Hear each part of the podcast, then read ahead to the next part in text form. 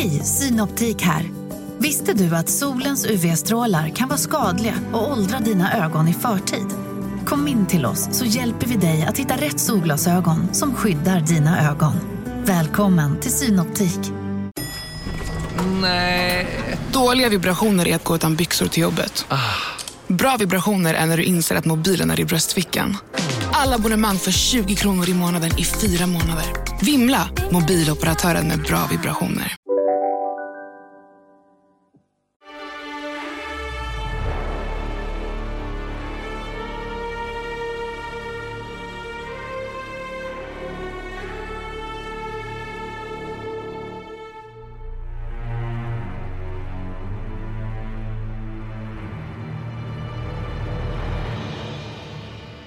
Veckan så pratade vi om Milan och deras storhetstid i slutet på 80-talet när de regerade eh, europeisk fotboll. Den här veckan ska vi prata om ett annat storlag och en annan storhetstid, men inte i Europa. Vad ska vi prata om, Erik? Ja, den här dagen ska vi dra ner självklarhetsreglaget några hack. Den här dagen ska vi inte prata om något som ni visste att ni ville höra om, men jag vill ändå påstå att jag är säker på att det kommer vara värt det. För den historien vi ska berätta, den utgår från Flamengos fantastiska erövrarlag från 1980-1981. Och det aktualiseras väl lite grann av att Flamengo besegrade Liverpool i VM för klubblag 1981. Nu ska de eventuellt försöka göra det igen. Det här avsnittet publiceras den 18 december och det är mitt inne i semifinalspelet av klubblags-VM. Så vi vet inte om det blir en repris på finalen mellan Liverpool och Flamengo eller inte. Men vi kan ju inte låta bli att hoppas på det. För när vi har satt oss in i berättelsen om Flamengo, då vågar vi faktiskt påstå att det här är inte bara en story om lite obskyra och smått okända sydamerikaner med svåruttalade namn 40 år tillbaks i tiden. Det här är en nästan sagolik skröna som på något sätt säger så väldigt mycket om hur fotbollen också kan se ut. Vi ska inte överexotifiera det här. Vi ska inte övermystifiera det här.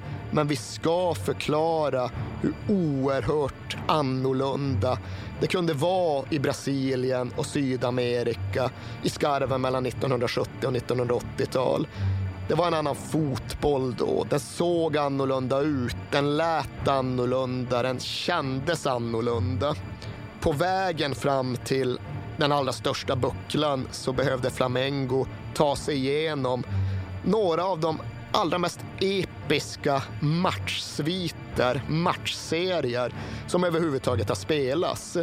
Här finns hjältarna, här finns skurkarna, här finns skönheten, men här finns även brutaliteten.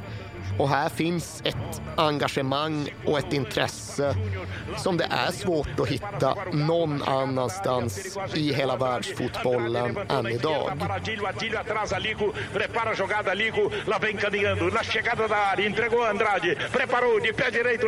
entra Zico, Olivieri, cabeça, Jorge Luiz atirou Andrade, golaço!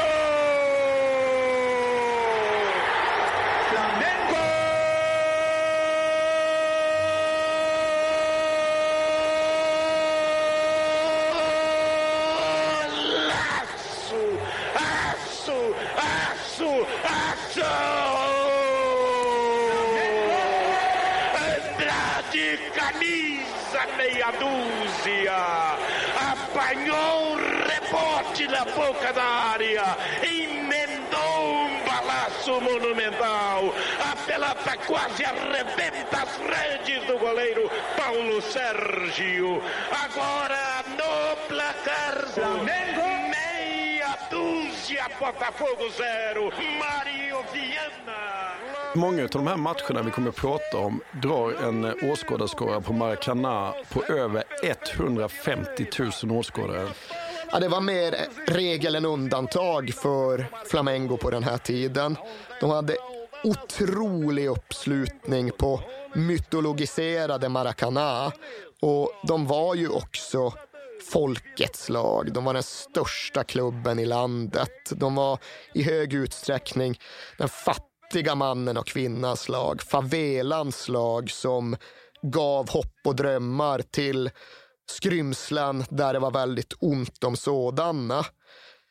Det var även en klubb, eller snarare en topplag av en klubb som lyckades, inte ena, men i alla fall entusiasmera stora delar av den här jättelika nationen Brasilien i en tid då det verkligen behövdes. För 1970-talet var en mörk tid för Brasilien. Det var tufft för de fotbollsintresserade, vilket är i praktiken allihopa. För landslaget misslyckades efter guldet 70. De föll 74, de föll 78. De skulle komma att falla 82, 86 och 90 också. Men därtill var ju hela Brasilien inhöljt i militärstyrets ganska brutala dunkel. Så det var en nation som behövde glädjeämnen och detta Flamengo kom att bli ett sådant. De lyste upp den brasilianska fotbollen i skarven mellan 70 och 80-talet. De gjorde det med respekt för den brasilianska fotbollstraditionen där allt skulle vara spektakulärt och där individualisterna skulle få skina. Men de gjorde det också med en ny sorts modernitet. De gjorde det i hög utsträckning med egna produkter. Kärnan av laget växte upp och utbildades och utvecklades tillsammans. Och de gjorde det också med det här enorma stödet i ryggen. Vi ska gå in mer på supportrarna och hur de levde sina liv, men vi ska också betona att Flamengo är en typ av pionjärer i hela den globala, hela den internationella supporterkulturen. De hade världens första Torsida, alltså världens första organiserade läktargrupp redan 1942. De blev först med att sy upp matchdräkter som supportrarna hade på läktarna snarare än sin finaste söndagsdress. Under den här perioden så gick dessutom läktarkulturen in i en ny fas genom Flamengo. För 1977 grundades gruppen som heter Raza Rubro Negra. Den än idag största torrsidan runt Flamengo med tiotusentals och åter tiotusentals medlemmar. Och de tog det här med bort bortaresor och läktarkoreografier ett steg framåt. De började smuggla in sin konfetti och sina flaggor på Maracana på fredagskvällen och sov sedan över, höll sig dolda där ända till matchstart på söndag eftermiddag för att ge sitt stöd till den klubben som betyder så oerhört mycket för så oerhört många.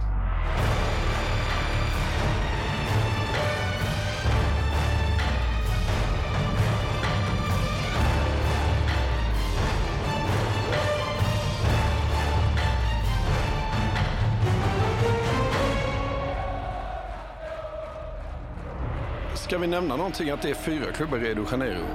Det kan vi väl göra. Det är ju då Flamengo och Fluminense som på något sätt står mot varandra på... Det är ärkerivalen helt enkelt. Ja, de står ju historiskt sett emot varandra på någon form av social strataskala. Just att Fluminense ska vara de höga samhällsskikten och Flamengo ska vara fotfolkens klubb. Det är såklart inte så enkelt, men där någonstans finns deras historiska identiteter. Så har vi då Vasco da Gama, de portugisiska immigranternas klubb, ifall vi vrider historieklockan tillbaka. Och så Botafogo, då, Bohemföreningen, den eh, tandlösa smått alkoholiserade barsångarens klubb. Ifall man vinglar ner i hamnkvarteren och hittar den riktigt originella karaktären med historier att berätta, då kan man utgå från att den personen håller på Botafogo. I alla fall är det så det låter i sagan. Okej, okay, men vad, vad, är Flamengo i, uh, under den här tiden vi ska prata då? Slutet på 70-tal blir det va? Ja, uh, vi kan ju ha det som utgångspunkt och då är det ju fortfarande en oförlöst bjässe. För det är ju en klubb som aldrig har vunnit Libertadores, som då alltså är Sydamerikas Champions League. De har aldrig ens deltagit i Libertadores och det är ju en konsekvens av att de aldrig har vunnit den brasilianska ligan. Sen ska det ju sägas att den brasilianska ligan, alltså nationsligan, det är ju fortfarande en färsk företeelse på den här tiden. Har bara funnits i någon form sedan slutet av 1950-talet. Har bara funnits i fast form sedan början av 1970-talet. För fram till den tiden, då var helt enkelt Brasilien för stort för att ha en nationell liga. Det gick liksom inte att inbilla sig att klubbarna från den uruguayanska gränsen längst ner i söder skulle kunna möta klubbarna långt inne i Amazonasdjungeln. Men när det började liksom utvecklas reguljärflyg så uppstod den möjligheten och då satte sig den nationella ligan. Och kort då, de har en tränare som heter Claudio Coutinho som tar över laget vid den här tiden. Ja, och vi behöver inte gå in i detalj på hans bakgrund, men han är ju arkitekten bakom det här stora Flamengo-laget. Och han är från början någon typ av fystränare som har kommit upp in i fotbollen genom det militära men också en välutbildad akademikertyp som kan föra sig internationellt. Och han har varit med i det brasilianska A-landslaget under hela första halvan av 70-talet. Han har fått större och större ansvar där i takt med att hans begåvning blir uppenbar. Och det innebär att när han kommer till Flamengo så har han både en förståelse för den brasilianska fotbollstraditionen. Han har även en insikt i att det kanske behöver köras lite hårdare fys än att bara spela eh, fotboll och volleyboll på stranden. Och det kanske är så att det finns modernare spelmodeller i andra världsdelar som brasiliansk fotboll kan dra nytta av. Så han sätter väl egentligen någon typ av kombination mellan det holländska 4-3-3-spelet som charmar hela världen i VM 74, som ju han då var med och upplevde, och det mer traditionellt brasilianska individualistiska spelet.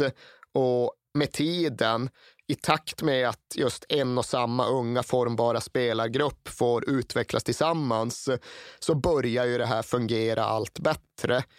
Resultaten är upp och ner egentligen under hela andra halvan av 70-talet. Claudio Coutinho är fram och tillbaka under hela andra halvan av 70-talet. Ibland så är han uppe och kör det brasilianska A-landslaget för han blir anställd som förbundskapten. Men han liksom parallell och dubbeljobbar det. Så han är förbundskapten för A-landslaget i VM 78 men parallellt så har han ändå alltid kvar sitt eh, ansvar i Flamengo. Och på något sätt får han ihop det där och på något sätt lyckas han positionera klubben och laget på ett sätt som gör att när 1980-talet börjar, då är de redo.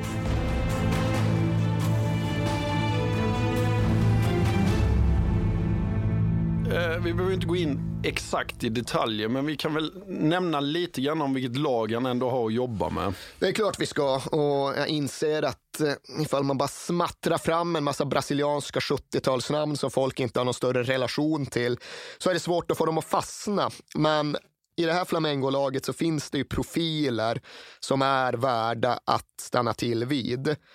Den absolut största, den absolut bästa killen som ni såklart vet vem det är, det är ju Sicko, tian som allt går igenom. Och vi ska prata mer om honom vad det lider, för det är helt oundvikligt. Men utöver honom finns det dels då två ytterbackar som är väldigt centrala för det här laget och som båda kommer att starta för Brasilien i VM 82. Det är då Leandro till höger och Junior till vänster. Båda egna produkter i samma ålder som Sicko. Sen finns det vid sidan av Sicko ytterligare tre stycken fantasistas, alltså tre stycken kreatörer, tre stycken individuella spelare som dribblar och skapar. Och det är då Adilio, Tita och Liko. Och jag vet inte fan i vilken utsträckning de här namnen fastnar. Men de var ja, men det är underbara namn. Underbara ja. spelare också, ja. faktiskt. Ja. Uh, och egentligen alla de här, med reservation för Liko, de är ju egna produkter som har gjort hela resan ihop.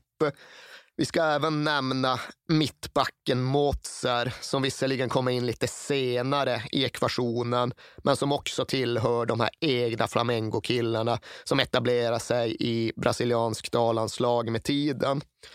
Men det är inte helt hemvävt utan de ser ju ett behov av att ta in etablerade, erfarna spelare på några nyckelpositioner.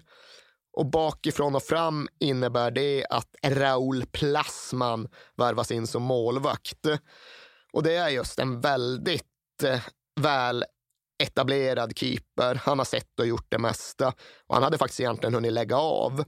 Han hade tackat för sig, åkt hem till familjehemmet, satt och kollat tv hemma med sin mamma en dag. Och där på tvn dyker det upp att han är Flamengos nya målvakt.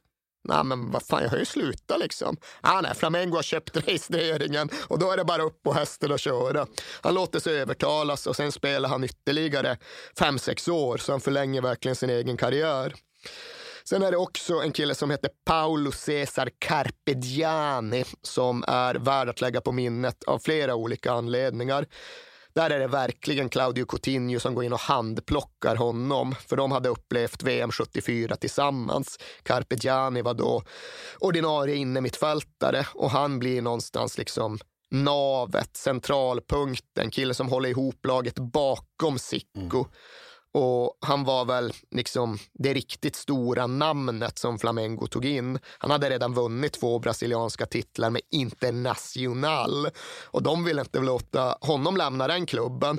Men medan förhandlingarna pågick så avled Inters klubbpresident. Jag tyckte Carpegiani var kanon för den nya killen som efterträdde honom. Han hade egentligen inga synpunkter. Han hann inte ta sig in i transferdiskussionen innan Carpegiani hade lyckats eh, lämna sin gamla klubb och ansluta till Flamengo.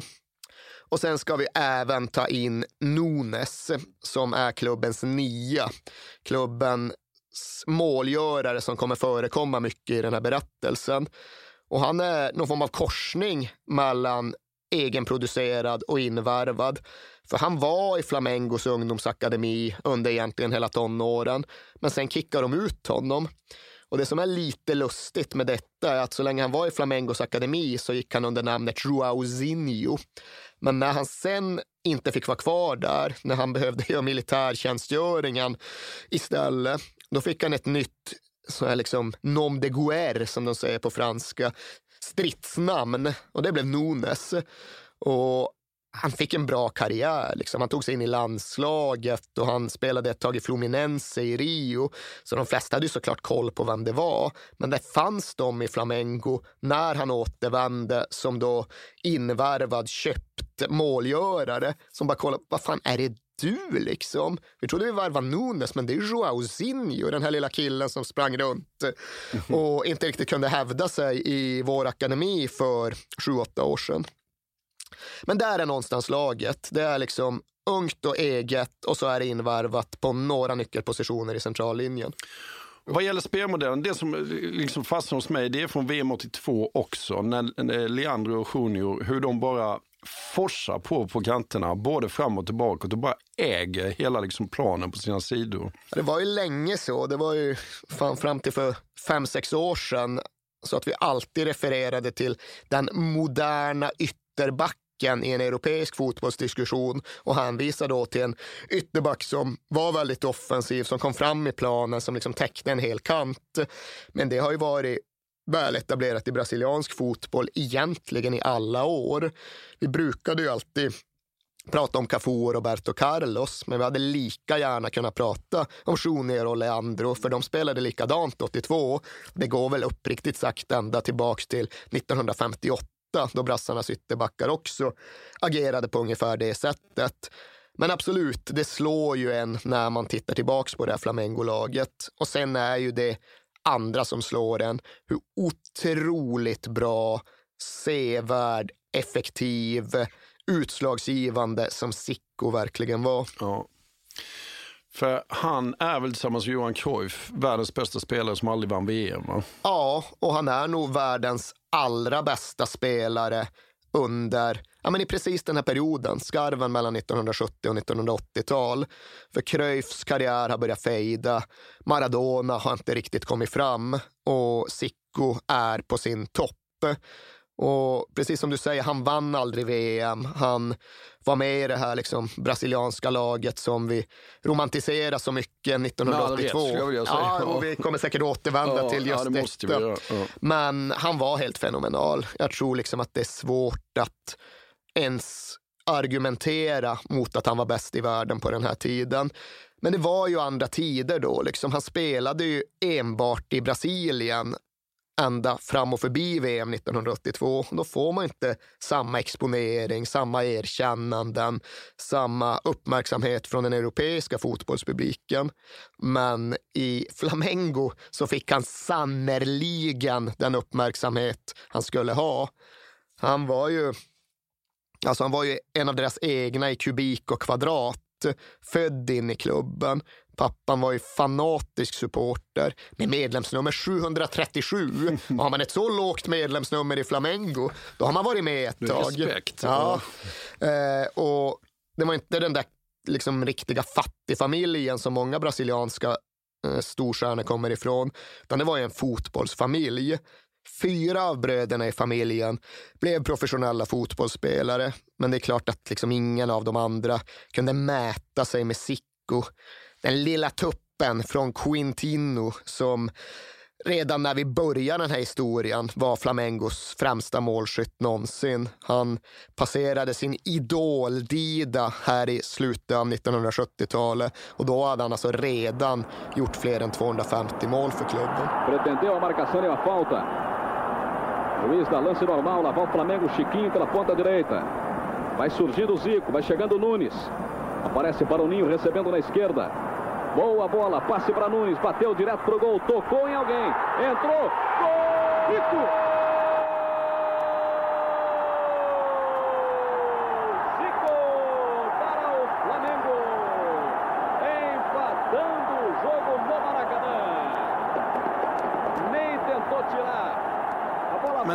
In på 81 så måste vi prata lite om eh, den nationella ligan 1980 och finalerna, de klassiska finalerna mot Atlético Atletico Mineiro. Ja, allt det hänger ju verkligen ihop för det är ju 1980 som allt faller på plats. Vi nämnde att det hade varit upp och ner under andra halvan av 70-talet och faktum är att 1978 slutar Flamengo på 16 plats i ligan. Det var deras sämsta placering någonsin. Men det var också det året som deras segersvit inleddes. För då tog de den så kallade Cariocan. Och det är då det väldigt betydelsefulla distriktsmästerskapet i och runt Rio de Janeiro och den brasilianska fotbollskalendern är ju rätt rörig för en europé. Fruktansvärt krånglig, måste jag säga. Ja. Men det är just det, att eftersom att de inte hade någon nationell liga på så väldigt många år så var ju mästerskapet som fanns det lokala, det regionala. Så det var ju det som var ligan att vinna under så väldigt, väldigt lång tid av de här klubbarnas historia. Och än idag sätter de oproportionerligt högt värde på ja, deras DM, distriktsmästerskapet. Liksom. Och i slutet av 70-talet så var det fortfarande nästan lika stort att vinna mm. Cariocan som det var att vinna den nationella ligan. Men de tog Cariocan 78 de tog Cariocan 79 inför 158 000 åskådare på Maracana. Ja, det är sinnessjukt. ja, de var obesegrade i 52 matcher, så de kände ju själva att de hade någonting på gång när 80-talet började. Och det var också då som Claudio Coutinho slutade kombinera jobbet som Flamengo-tränare med förbundskaptensuppdraget. Han var enbart Flamengo-coach från och med nu. Han modifierade spelmodellen ytterligare lite. Det blev ännu mindre brasilianskt, ännu mindre spektakulärt, ännu mindre sambamässigt, utan mer konkret, mer resultatinriktat. Och de plågades ju av faktumet att ja, men de hade aldrig vunnit ligan. De hade aldrig spelat Libertadores. De var den enda av Rios fyra stora klubbar som aldrig ens hade deltagit i den turneringen. Och nu var det dags. Nu fick det lov att bli ändring på det. Och de spelade ju bra, gick ju väldigt starkt genom den nationella ligan 1980 men det var ju inte en rak serie, utan det var en märklig typ av kombinationsprodukt där den raka serien sen kompletterades av en sorts slutspel som då kulminerade i en final, ett dubbelmöte mot Atletico Mineiro. Och här påbörjas en serie legendariska matchsviter. För det kommer ni märka nu när vi pratar om Flamengo 1980-1981 att det inte är så mycket enskilda matcher utan det är mer matchsviter, matchserier. Det är nästan som att man pratar om liksom, klubbar som står mot varandra i någon typ av Stanley Cup-slutspel där det är bäst av sju. Och allt det där det påbörjas då med den brasilianska ligafinalen 1980, Flamengo mot Atletico Mineiro. Och Mineiro ska vi säga också är ett fruktansvärt bra lag på den här tiden. Fruktansvärt bra lag, väldigt stor klubb. Det är också en grej med brasiliansk fotboll som vi kanske kan poängtera att ifall man tittar på ligan så är ju en majoritet av deltagarna där jätteklubbar. I England pratar man ibland om the big six numera. I Italien har man ibland refererat till de sju systrarna som är liksom de storklubbar som har någon möjlighet att vinna ligan. I Brasilien finns det tolv sådana bjässar. Och det är då de fyra från Rio som vi redan har varit inne på. De fyra från ja, större Sao Paulo ifall vi även inkluderar Santos. Och så är de två klubbarna från Porto Alegre, Internacional och Gremio. Och så då de två klubbarna från Belo Horizonte det är Cruzeiro som precis åkte ur högsta ligan 2019. Ja, det, är, det är historiskt, det, kommer vi, det ska vi göra ett program om en vacker dag. Men det är Cruzeiro och så är det då Atletico Mineiro en stor klubb, framgångsrik klubb med bra lag vid den här tiden. De hade redan gjort det Flamengo eftersträvade så desperat. De hade vunnit ligan 1977, men vid den här punkten, i och med de här finalmatcherna, då inleds, då påbörjas den största rivaliteten som finns i brasiliansk fotboll och som lever än idag mellan två klubbar som inte kommer från samma stad. För det är klart att derbyna, det är alltid något annat. Men rivaliteten som fortfarande finns mellan Flamengo och Atletico Mineiro, det är nog extraordinärt. Och den hade väl kanske sin allra första embryona till den rivaliteten, de såddes kanske redan 1979. För då var det en speciell match klubbarna emellan. Det skulle bara ha varit goodwill och det skulle ha varit enighet och brödraskap. För det var en speciell vänskapsmatch de skulle spela. Det hade varit översvämningar i Atletico Mineiros hemstat Minas Gerais. Och då skulle de spela en uppvisningsmatch där alla intäkter gick till de drabbade.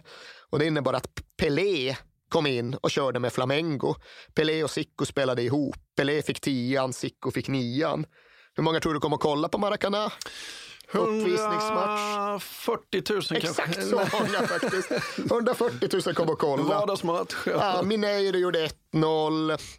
Pelé och Sicko kombinerade fram till 1-1. Eh, referera lite, diskutera vem som skulle ta straffen.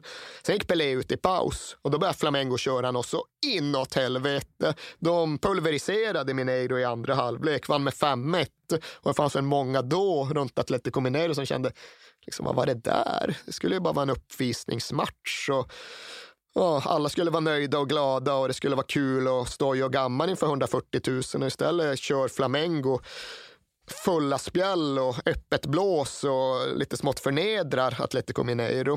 Kändes lite sådär, men det är klart att det var ju inte samma laddning i luften runt den matchen som det ändå var inför finalen 1980. Och som sagt, Atletico Mineiro är inte bara en stor klubb, de har ett verkligt bra lag vid den här tiden.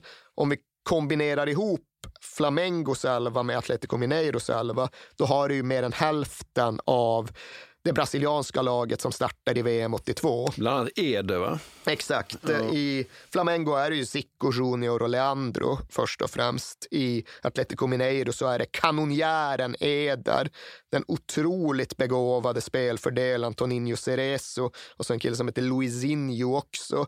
Så det är en det är en finalmatch där många av världens vid den här tiden bästa spelare deltar. Och Atletico Mineiro har också en kille som heter Reinaldo som i praktiken är deras Sicko. Mm. just eftersom att han inte är Sicko lyckas han aldrig riktigt etablera sig i landslaget. Men han är också en spelare av högsta, högsta internationella klass.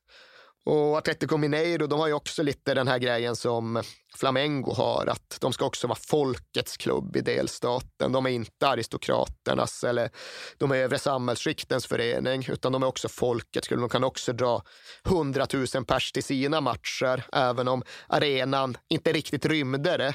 Och arenan det är ju den klassiska Mineirao, numera mest känd för att det var där som Brasilien föll med 7-1 mot Tyskland i VM 2014. Men då fortfarande något helt annat. Till rivaliteten ska också adderas att det inte är särskilt långt mellan Rio och Belo Horizonte. Det är bara 40 mil, vilket verkligen är ett stenkast med brasilianska mått mätt. Så när den här första finalen ska spelas i Belo Horizonte, då är det 120 bussar med Flamengo-anhängare som i karavan ger sig av från hemstaden för att se sitt lag vinna mästerskapet för allra första gången. Men Atletico vinner första matchen. Ja, och när vi går in och börjar prata om själva fotbollen så ska vi väl först betona hur extremt brutal och våldsam den sydamerikanska fotbollen är vid den här tiden. För visst, de har sina dribblers och sina innovativa kreatörer, men de har ju också extremt hårdföra råskinn och det gör ju att när man tittar tillbaks på liksom filmsnuttarna som finns bevarade från den här tiden så häpnar man ju ja, ibland verkligen ja. inför hur otroligt eh, kraftfullt folk tillåts gå in i sina satsningar. På förhand är en av konsekvenserna av detta att Sicko inte kan spela den här första finalmatchen, för han är som vanligt skadad efter något överfall. Men det innebär också att det som verkligen ramar in den här första matchen, det är att Flamengos andra stora ledarfigur, liksom den krigiska, tuffa mittbacken Rondinelli, han eh, blir ju överfallen på ett sätt som jag ska inte säga att det håller på att kosta honom livet, men det är inte alls långt ifrån. Han får en armbåge vid ett inlägg och det slutar riktigt, riktigt illa. Han ligger ju helt utslagen och det går liksom inte att säga vad som har hänt med honom när han eh, transporteras till sjukhus. Men det visar sig att hela hans käkparti är totalt totalt sönderslaget. Än idag är det ihopvirat med ståltråd och han har ingen känsel kvar i hakan för att alla nerver har skurits av.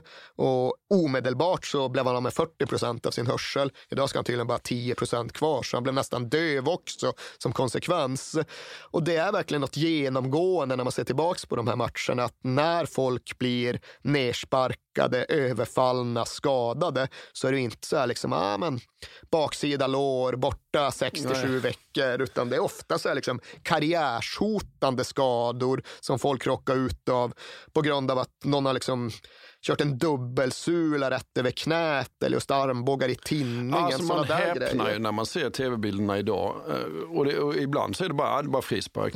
och man bara, ja men det där, han måste vara avstängd på livstid. Ja, verkligen. Så 14 matcher känns rimligt. Nej, de bara kör på. Men, ja, det är ändå det som någonstans sätter tonen för det här dubbelmötet och det överskuggar matchen, det överskuggar resultatet, det överskuggar efterspelet. Som du nämnde vinner Atletico Mineiro första matchen med 1-0. Schuner av alla människor är ju ett stort försvarsmisstag och den här Reinaldo, då, deras och valsar in med segermålet. Men hela vägen fram till returen så är det ju liksom Rondinelli det snackas om. Han ligger kvar på sjukhuset. Folk vet inte riktigt hur det kommer bli. Laget åker ju upp dit och liksom pratar med honom när han väl kan kommunicera. Och de gör ju såklart det som man gör som fotbollslag i det läget. Ja, men nu spelar vi för dig, nu vinner vi för dig. Nu ska vi visa att det går liksom inte att besegra oss genom att skada en av våra.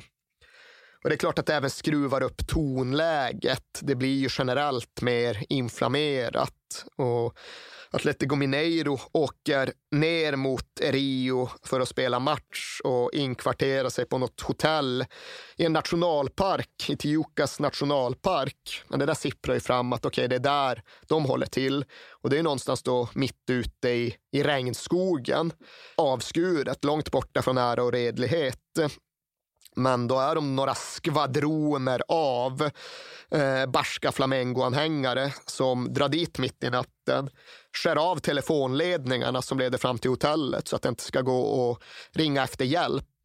Och nu är det inte så att de överfaller Atletico Mineiro-spelarna med tillhyggen, men de ser helt enkelt till att de inte får sova. Det är det klassiska, det är fyrverkeripjäser, det är pyroteknik, det är liksom bangers, det är hela det där batteriet som innebär att liksom mellan 02.30 och 08.30 så är det fullt ställ utanför det hotellet mitt ute i skogen. Och det kommer lite polis fram på morgonkvisten men då ger de sig bara ut i, i djungeln och undkommer. Eh, så det påverkar Atletico Mineiro, deras stämningsläge inför returmatchen. Och returmatchen på Maracana, vad är det för åskådare där då? Det är väl dryga 150 000 någonting. 154 000. Jag, jag, vill bara säga också, därför att både du och jag Erik har ju varit på Maracana. Men liksom myten om Maracana har ju försvunnit med ombyggnation. Det är en jättefin arena, men det är ju inte... Nej, nu är det inte alls vad det en gång var. Liksom VM 2014, VM-final som spelades där och så, det var ju inte det gamla Maracana. Jag vet, hade du var där innan de byggde om? Nej, det var... För det hann jag vara, bland annat Aha. just. Ja, men jag såg Flamengo Fluminense en match jag refererade till i början av det här programmet och det var 2005-ish.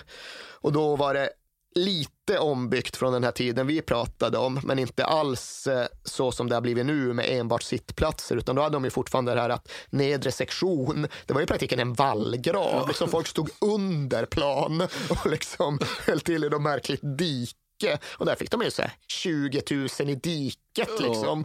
Och då gick det väl in dryga 100 000. Ja. Det har ju varit matcher, det är väl kanske framförallt några i VM 1950, då det påstås ha varit över 200 000 ja. inne på Maracana. Men här var ju den officiella kapaciteten lite flytande, men någonstans mellan 160 och 175 000. Jag ska säga också att eh, 26 gånger så har det varit över 150 000 åskådare på Maracana. 13 av de gångerna så har Flamengo spelat.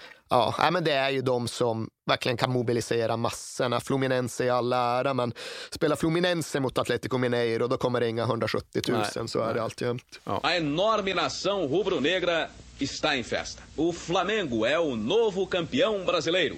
Venceu o Atlético Mineiro hoje no Maracanã por 3 a 2 e levantou pela primeira vez a taça de ouro.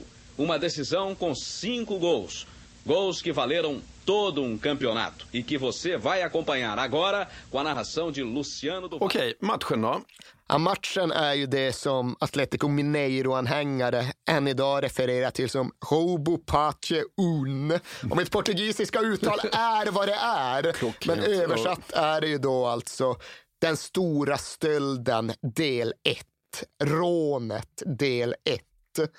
Och i den här matchen, ja, men likt i den första, så är det ju verkligen inte så att Flamengo är överlägsna. Om något så är det en jämn match där Atletico Mineiro har ett knappt övertag. Och det är trots då att Flamengo gör 1-0 och det är genom den så extremt välfungerande duon där Sicko slår igenom skäran och där Nunes springer igenom och drar in 1-0.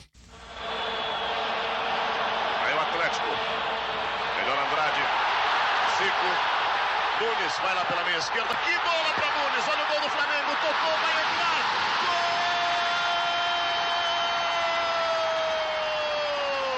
Nunes!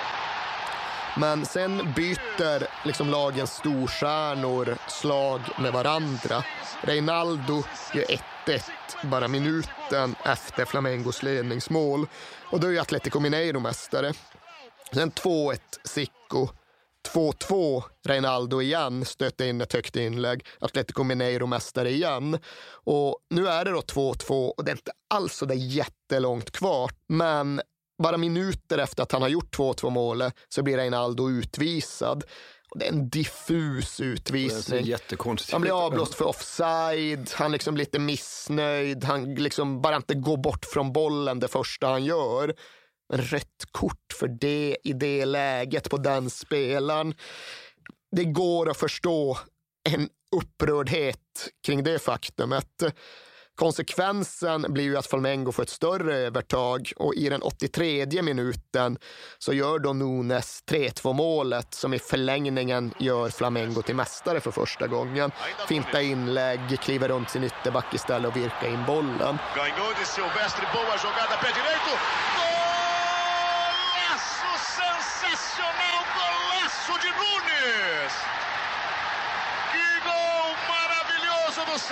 Centroavante do Flamengo!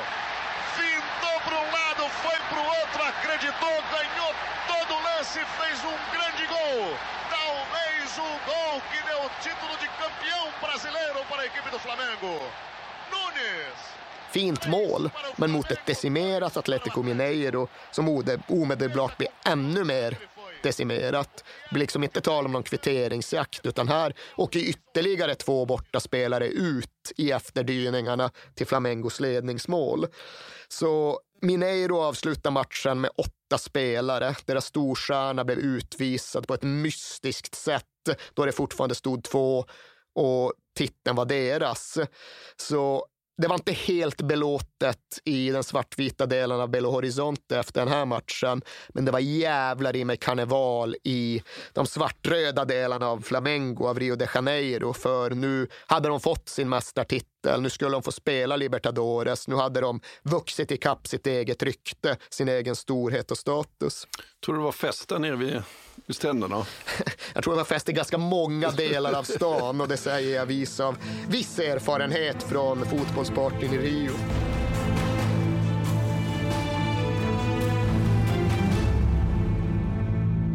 Håkan, Ja. vi har ju en 90-åring med oss precis som vanligt. Och det är ju. Svenska Spel och Stryktipset. Ja, Mm. och därför är det så bra att vi är sponsrade av Stryktipset. Ett spel från Svenska Spel, Sport och Casino för dig över 18 år. Exakt. Och stödlinjen.se finns där de har problem med sitt spelande. Ja, Ja, precis. Det är bra att vi har med oss dem så vi får fira dem riktigt ordentligt. verkligen. Och vi firar ju tillsammans med er lyssnare. För att de här är ju rätt unika, de här reklamspottarna. Därför att det är lyssnarna som skickar in sina historier. Och jag tycker Mm. det är helt fantastiskt att ni fortsätter att göra det. För att det blir väldigt mycket roligare. Alla de här historierna, det är liksom hela... Det är liksom ramen för vad Stryktipset handlar om, skulle man kunna säga. Verkligen. Det är själen. Exakt, och har gjort det i 90 år. Ja, ni får gärna fortsätta skicka in era stories eh, om vad som har hänt i 90 minuten på Stryktipset till kings at perfectdaymedia.se så får ni en t-shirt av oss Yes. för varje publicerat inlägg. Och idag, En lång historia idag, Håkan säger idag har vi en lång historia som går så här. För snart fyra år sedan var jag med om en riktigt sjuk upplevelse som har resulterat i att jag blivit en riktig Stryktipsnörd. Det var coronatider och Premier League-premiär. Jag och min sambo skulle hem till svärföräldrarna på middag, men innan vi åker dit hinner jag lägga en liten slumpartad 64-raderskupong. Championships-matcherna var det bara att blunda, chansa och hoppas på det bästa. Men Premier League har man ju lite kunskap om, så där vågade man tro på skrällchanser. Under middagen hade jag nästan helt glömt bort mitt spel, så jag tog upp telefonen och kollade lite snabbt på resultaten. Vad fan, alla första tio matcherna har ju gått in, så man var ju med i allra högsta grad. Jag slog igång tvn, såg på när Degerfors krossade Jönköping och 11 rätt var ett faktum. Nästa match var Liverpool-Leeds och där satt jag med ett kryss då Leeds var tillbaka igen i Premier League och vill nog ge Liverpool en utmaning. Liverpool tog ledningen tidigt i matchen, men visade verkligen att de var tillbaka igen efter nästan 20 år från fotbollens finrum. De lyckades kvittera kort efter Liverpools ledningsmål och det skulle visa sig bli en riktig jojo-match. 2-1, 2-2, 3-2, 3-3. Fram till 90 minuten stod det 3-3. Jag har 12 rätt och utdelningen är 20 000. Men Leeds nyförvärv Rodrigo Moreno får då för sig att ta bollen med handen efter Liverpool-hörna och dömer då straff till äckliga Liverpool. Ja, Oj! ja. Självklart gör Salah 4-3 från 11 meter och vinstsumman var nu på 5 000 kronor på 12 rätt. Det enda som skulle kunna rädda mig nu var att Newcastle skulle slå West Ham borta, då våghalsiga, naiva jag fick för mig att sätta en tvåa. Jag tror aldrig jag mått så dåligt av att se en fotbollsmatch. West Ham var det spelförande laget i första halvlek, men inga riktiga chanser skapades från något av lagen. När andra halvlek blåstes igång och jag hade lugnat mig lite så tar det bara några minuter innan Callum Wilson brunkar in ett ledningsmål för Newcastle och nervositeten kickar igång igen. Om första halvlek var ångestladdad så går det inte att jämföra med andra. West Ham pushar på hela halvleken för ett kvitteringsmål. De har en ribbträff bland annat, men 0-1 står sig fram till slutminuterna. Då får Newcastle en kontring. Bollen slås snett inåt bakåt och når Jeff Hendrick som pangar in 0-2 och euforin är total. 13 rätt och 500 000 kronor rikare. En upplevelse jag aldrig kommer att glömma. Sen den dagen spelar jag Stryktipset varje lördag i hopp om att få med något liknande igen. Plus att det är en jäkligt mysig lördagstradition. Stort tack för er podcast och stort tack för din historia. Mm. Colin Wilson, han har bunkrat in några baljor. Ja, precis. Vi Mm. säger stort tack till våra vänner på Stryktipset. Tack. Vi är sponsrade av Volt Fashion. Yes, det är vi. Och vad är Volt Fashion för dig, Alex? För mig är Volt Fashion lite som vad Magnus Erlingmark var för IFK Göteborg när det begav sig. Jaha. Mm. Göteborg kunde ju använda Erlingmark precis överallt på fotbollsplanen. Han var överallt. Ja. Ja, och lite så i Volt Fashion, för det är ett multibrand-utbud för män. Förstår du vad jag menar då? Just det. Mm. Ja. Du hittar tröjor, skjortor, kostymer, kavajer, byxor, you name it. Allting från märken som These Glory Days, Oscar Jakobsson, Tiger of Sweden, Eton, Samse Samse, J. Lindberg och Flippa K. Exakt. Och min Voltbutik som jag brukar gå in i ligger i PK-huset här i Stockholm. Ja, just det. Och det finns ju 40 butiker i Sverige och här finns ju allting. Sweaters, Allting. skjortor, kostym, kavajer, byxor. Allt du behöver både till fest och vardag med alla de här schyssta märkena du räknar upp. Och nu är det ju dags för festligheter. Våren är väl ändå här, det måste vi säga. Det är den verkligen. Och det är dags för bröllop, det är studenter, det är midsommar. Och vad vill man ha då? Ja, en kostym kanske. Ja, jag har precis köpt en kostym. Jaha. Från These Glory Days. Jaha. Jag brukar köra på Edvard-kostymen. Ja, och det är alltså en ullblandning. Det tycker jag är ett måste i kostym. Jag gillar inte linne och sånt där, utan det är ull som jag gillar. Och så måste det vara regular fit, inte slim fit på mig. Nej. gillar när det liksom är lite mer rakt och, och stiligt. Så den har jag gått loss på. Jag gillar ju Oscar Jakobsson. Ja, ja, ja, ja. Svenskt, skönt och där kan jag även tänka mig linne faktiskt. Och sen är det ju så här att du behöver ju faktiskt inte gå in i en faktisk butik, voltbutik, även om det finns ganska många. Utan du kan ju gå in på voltfashion.com och där hittar du hela utbudet och, och kan bara klicka hem det istället. Så klicka in på voltfashion.com och eh, välj din kostym för våren och sommaren helt enkelt. Ja, vi säger stort tack till Volt Fashion. Alex, vi pratar ju om Blackburn och då måste jag fråga dig, vad kör Alan Shearer för bil? Ja, precis. Ja, vi pratar om Blackburn den här veckan. Ja. Eh, ja. Alan Shearer. Jag ska, jag ska nog googla det faktiskt. Gör det. Jag tänker mig att han kör en riktigt sån, alltså en, en diesel. Nej, alltså det som bara jag. spottar ut. Jag tror, jag tror Shearer är en eh, riktig elkille. Faktiskt. Vad heter Blackburn? Lanc Lancastershire. Lancashire. Lan ja, exakt. Där åker han runt. Runt, runt en gammal dieselhäck. Men jag ska, Ja. jag ska googla faktiskt. Ja. Kolla. Då ska vi se. Alan Shearer Lifestyle. Alan Shearer Car. Audi RS Q8 kör Ja. han till vardags. Hybrid. Det är ju ingen dålig bil. Hybrid. Ja, 600 hästar. 3,8 sekunder på 100 meter. ja, 100 meter är det inte. 100 100 kilometer i timmen. ja. Vridmoment 800 NM. Men Säger mig varför pratar vi om detta? För att vi är sponsrade av Kala. Ja, och på, det är mycket möjligt att han har insett hur jäkla smidigt det är att köpa sin bil på Karla. Exakt. Hur skulle Alan Shearer säga Kala med C? Karla. Carla. Karla. Ja. För att vi har ju eh, i tidigare eh, spottar berättat om att det är världens bästa biltjänst. Mm, Med 4,8 i. Trustpilot. Mm. Därför att vi som tycker det är jobbigt att köpa och sälja sin bil framför allt, med allt mäkt det innebär, så innebär Karla att de sköter allting åt dig. Mm. Så går du i eh, tankar med att sälja din bil och kanske vilja skaffa dig en elbil eller en elhybrid så ska du gå in på karla.se. Jag är lite sugen på att skaffa en laddhybrid. Ja. En sån Audi. Ja, ja, ja. Jag tror inte riktigt att jag kanske har råd med det den. tror jag inte du riktigt men har jag, men råd jag tror att Karl har ett bra spann på bra eh, laddhybrider faktiskt. Ja. Mm. Om du går in på karla.se och knappar in din bils info så får du en snabb och gratis värdering och ett bud på din bil. Mm. Väljer du att acceptera budet så får du gratis upphämtning av din bil i hela Sverige. Och pengarna på kontot direkt vid upphämtning. Mm. Alltså det kan inte bli smidigare än så. Och Karla sköter allt från pappersarbete till dammsugning av baksätet. Ja, alltså det, är- Det slipper jag gärna. Alltså. Ja. Och när du ändå är i farten så kan du kika om du hittar någon ny drömbil på Karla. Audi RS Q8. Exakt. Du kan då använda din gamla bil som inbyte och endast betala mellanskillnaden om du vill köpa en ny. Kör du till exempel runt i en gammal dieselhäck så är det hög tid att uppgradera till en elbil eller laddhybrid. Eller Alan Shearers bil då. Vem i Blackburns lag från 1995 kör runt i en gammal dieselhäck idag, tror du? Ja, jag tror faktiskt ingen gör det. Tror du inte? Nej. Ja, jag tror i alla fall att anfallspartnern där till Alan Shearer, Chris Sutton, han kör runt en gammal dieselhäck. Ja, då är det hög tid för honom att gå in på karla.se. Verkligen. Vi säger stort tack till karla.se. Tack.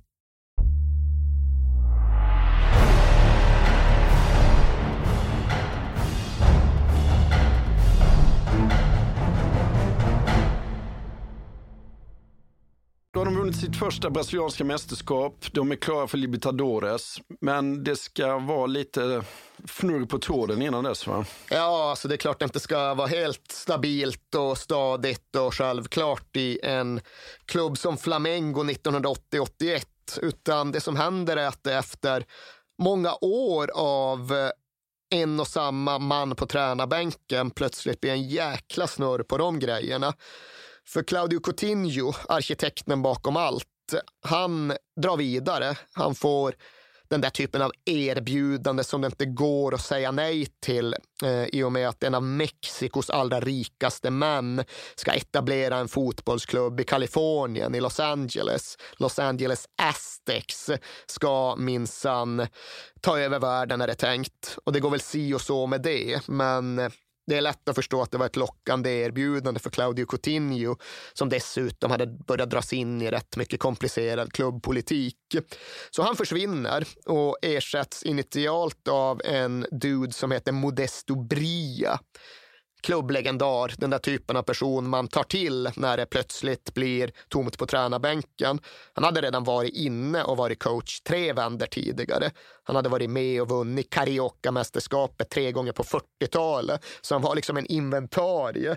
Men nu var det någonting med läget att just nu gäller det Flamengo, nu ska de ta klivet, nu ska de ut internationellt och erövra, som gjorde att han inte pallade den här gången. Han blev superstressad, tappade 10 kilo i vikt på bara någon månad och efter ett tag så kom hans fru ner till träningsanläggningen och sa bara, nej men ni måste ta bort honom. Han kommer få hjärtattack, han kommer dö för han är alldeles för uppjagad av detta. Så right, klubbledningen lydde, tog bort Modesto Bria efter bara 17 matcher eller något i den stilen. Och in då kommer en ännu mer etablerad och välbekant personlighet. En figur som heter Dino Santi. Och han hade inte bara vunnit några Carioca med Flamengo, han hade vunnit VM med Brasilien. Han hade varit i Europa, vunnit Europacupen med Milan. Men inte heller han kom in i det här rätt, för nu har vi hunnit en bit in på 1981 och precis som i många andra fotbollsnationer så överlappar ju turneringarna varandra. Så när Flamengo går in i Libertadores 81 så spelar de även slutfasen av det brasilianska mästerskapet 81. Och den här gången går de inte hela vägen där. De åker ur i kvarten mot stadsrivalerna Botafogo. Det blir rörigt, en supporter dör i bråk efter matchen och Dino Santi blir förbannad på den egna spelargruppen. Han tycker liksom att det är för mjäkigt, det är för mesigt, det är för tamt. Så han kräver av klubbledningen att nu ska jag ha fri tillgång till de här gossarna och sen ska jag verkligen göra män av dem innan vi ska ut i Libertadores på allvar. Så han krävde 15 dagar på någon typ av arméläger för att enbart köra fys. Klubbledningen var tvungen att ställa in en massa inplanerade vänskapsmatcher och dylikt. Och till slut fick han 12 dagar för att åka till den här interneringscampen och bara liksom gnugga exercis. Väckning sju varje dag, ut i fält, marschera, kräla, kräla gyttja, alla de där grejerna. Och det var väl sådär poppis. Sicko Junior tyckte väl inte det var jätteroligt. Raul, målvakten, beskrev Dino Santi som en halvtroglodyt för att översätta direkt från portugisiskan. Och han blir ovän med spelarna. Han eh, gör sig själv omöjlig. Men han sätter ändå visst avtryck i gruppen för han kommer med sin tuffingattityd och han kommer med sin bild av hur det funkar ute i Libertadores. Och han har verkligen lektioner, träningspass där spelargruppen får lära sig klassiska tjuvknep. Det här som det pratades om i sydamerikansk kuppspel på den här tiden att många spelare hade med sig knappnålar ute på planen och stod och liksom stack dem i motståndarna på hörnor. Det fick Flamengo-spelarna lära sig. Nunes berättade att ja, men han fick en grej som han tyckte var riktigt bra. Det var att han liksom skulle smeta in sig själv med så jävla mycket liniment eller tigerbalsam. Så när det väl krävdes kunde man liksom dra av lite sånt från låret och gnugga in det i nyllet på någon motståndare. sånt körde de tydligen mycket och det fick de lära sig av den här Dino Sani. Men när han inte längre kunde vara kvar och det blev uppenbart rätt snabbt. Så då stod alltså Flamengo där och skulle ha in sin fjärde huvudtränare på mindre än ett år. Och då hade de inget självklart alternativ. Så från början tänkte de sig någon typ av interimlösning. Och det som då hände var att inne mitt fält ettan, spelfördelarnavet Paolo Cesar Carpegiani var i färd med att avveckla sin aktiva karriär. Han hade liksom hunnit bli för gammal och kunde inte riktigt svara upp mot sina egna krav.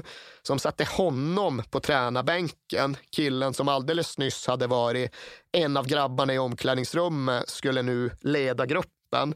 Och det var inte heller helt problemfritt. Han hade lite problem med auktoriteten i början och spelarna mest bara garva åt honom. Men han blev i alla fall coachen som fick jobbet, som fick mandatet, som skulle leda Flamengo ut i Sydamerika och i förlängningen världen.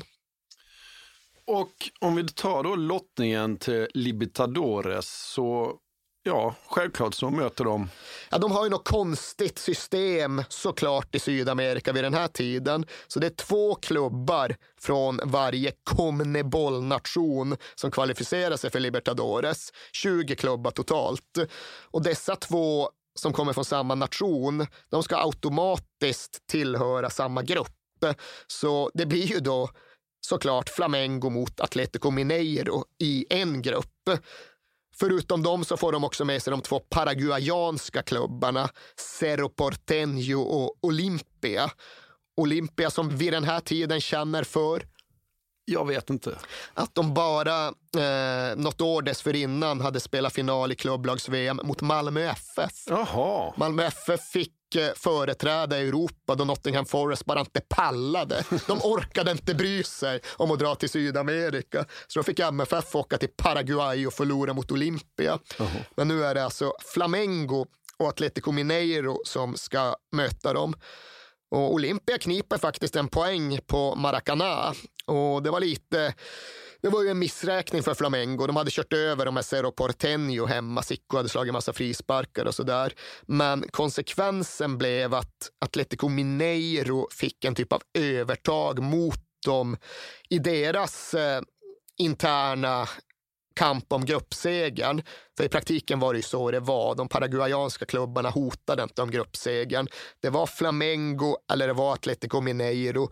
Det blev i praktiken så att deras interna kamp skulle avgöra vilka som går vidare. Och där går vi då in i nästa fas av deras rivalitet, nästa matchserie som kommer att bli ännu mer episk än finalspelet i den brasilianska ligan 1980. Mineiro igen, hur går det då? Ja, de ska ju spela mot varann hemma och borta då som en del av det ordinarie gruppspelet och det blir intensiva, minnesvärda, sevärda matcher såklart. Först möts de igen då på Mineirao, Atletico Mineiros hemmabana. Och Eder, som vi har nämnt, som världen fick upp ögonen för när han rammade ribban med sin vänster under VM 82. Ja, han skjuter frisparkar och de är så hårda så att det är svårt att ens hinna se bollen på tv-bilderna. Han drar in 1-0 med en jätte jättefrispark i krysset där det verkligen är svårt att följa med för tv-kamerorna. Den bara susar in. Sen skjuter han igen eh, en frispark från hur långt ut som helst och den får han väl inte riktigt samma träff på. Där är det mer Flamengo-målvakten som sjabblar in den.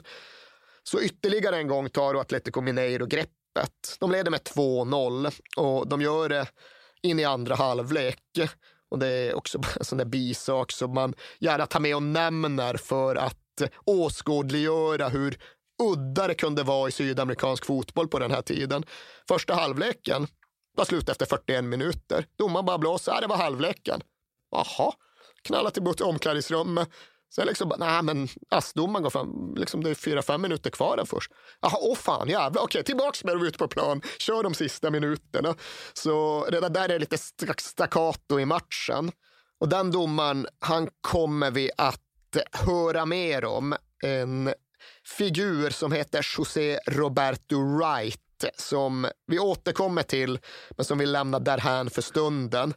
Eh, när väl andra halvlek kommit igång, när Flamengo får lov att spela lite med kniven mot strupen i det här tvåmålsunderläget, så lyckas de ändå hämta ikapp. Sicko Nunes kombinerar såklart för 2-1. Sicko slår genomskäran, Nunes springer. Och sen kvitterar de 2-2, en nick på en överlång hörna som utlöser ett 19 sekunder långt goal-skrik från tv-kommentatorn. Det är väl okej, okay, men visst, de kan längre, de kan bättre. Men ja, 2-2 i första förblir svårt att skilja de här två klubbarna åt. Och naturligtvis blir det även 2-2 i returen på Maracana. Och även där så tvingas Flamengo komma igen från underläge. Med bara 20 minuter kvar så ligger de under med 1-0. De är utslagna. De kommer igen, de vänder faktiskt matchen. Sicko slår såklart ett inlägg, Nunes gör såklart ett mål och sen kvitterar givetvis den här Reinaldo, deras store man. Och det innebär i förlängningen att de här två klubbarna kommer behöva mötas en tredje gång. För efter att de har studsat mot de här paraguayanska motståndarna och när väl tabellen räknas ihop, ja, då är det omspelsläge. De ska spela en extra utslagsmatch, en tredje match på neutral plan i Brasilien. Och om denna match finns mycket att säga, men det är absolut en av de mest klassiska, en av de mest svårbegripliga en matcherna sjuka. i ja. brasiliansk fotbollshistoria. Ja. För vad händer? Ja, alltså, till att börja med så är det ju såklart rörigt in i matchen. Det bestäms att den ska spelas på en fredagkväll. På tisdagen så är det fortfarande ingen som har en aning om var i den här jättestora nationen som matchen ska gå. Men de spikar det till slut. Flamengo får i rätt hög utsträckning sin vilja igenom. Matchen ska spelas i en stad som heter Goiânia. Och de drar dit, det är fredag kväll, neutral plan. Ändå får de såklart dit 72 000 pers för att titta på. Men sen börjar matchen och det är mycket som är svårbegripligt med den. Det räcker liksom bara att börja med att titta på hur det ser ut och man fattar ingenting. För alltså planen är ju klippt i ett mönster som gör att gräset ser helt psykedeliskt ut. man ser knappt bollen. Ja, men det är någon typ, ser ut som en matta ja. verkligen, där någon har fått feeling och gjort en massa geometriska figurer. Mm. Så ja, det ser helt skruvat ut och mer skruvat kommer det att bli. Det här är ju en match som jag orkar inte försöka med de portugisiska uttalen här. Men det är en match som liksom Flamengo-anhängarna refererar till som Oyogo que nunca terminou. Matchen som aldrig slutade. Och Atletico Mineiro-anhängarna minns som Omayo Robo do Futebol Mundial inte bara rånet del 2 eller den stora stölden del 2 utan det absolut största rånet i eh, världs, fotbollens världshistoria. Jag håller nog nästan lite med Mineiro-anhängarna i detta när man ser bilderna faktiskt. Ska, ja. vi ska du säga vilken domare det är också? Ja, men då återkommer vi till den här José Roberto Wright och han är visserligen ett etablerat namn, en erkänd domare i Brasilien. Men han är carioca, alltså han kommer från Rio. Och bara det kan man ju tycka är lite udda att skicka in en rättskipare mm. från en av städerna som företräds i den här avgörande matchen. Men så är det också just så mycket som har legat och bubblat sen de tidigare mötena. Sen dubbelmötet i gruppspelet, sen dubbelmötet i den brasilianska finalen. Så visst, det är ju ingen lättdömd match. Man tittar på den, efter liksom en halvtimme så har det redan varit 23-24 frisparkar, alltså nästan en frispark i minuten. Fem gula kort Fyra av dem för Atletico Mineiro. Och I det läget går det inte att säga så mycket, för ja, det verkar nog som att Atletico Mineiro går in hårdare i matchen. De verkar lite mer uppjagade, uppskruvade och uppretade. Men det rättfärdigar ju ändå inte det som sen händer. För det är ju i den 32 minuten som saker börjar skena och spåra ur fullständigt. Sicko tar tag i bollen, liksom 10 meter utanför eget straffområde, ska börja driva upp spel, vricka sig förbi Reinaldo som liksom bara drar ner honom. En vanlig taktisk foul. Ja, med brasilianska mått mätt så är det ju ingenting. Det hade, knappt, det hade kanske varit gult kort ja. idag. Men med dåtidens brasilianska måttstock så är det nästan så att man blir överraskad att han ens blåser frispark. Ja, ja. Men istället nu störtar han fram, direkt rött, upp med röda kortet.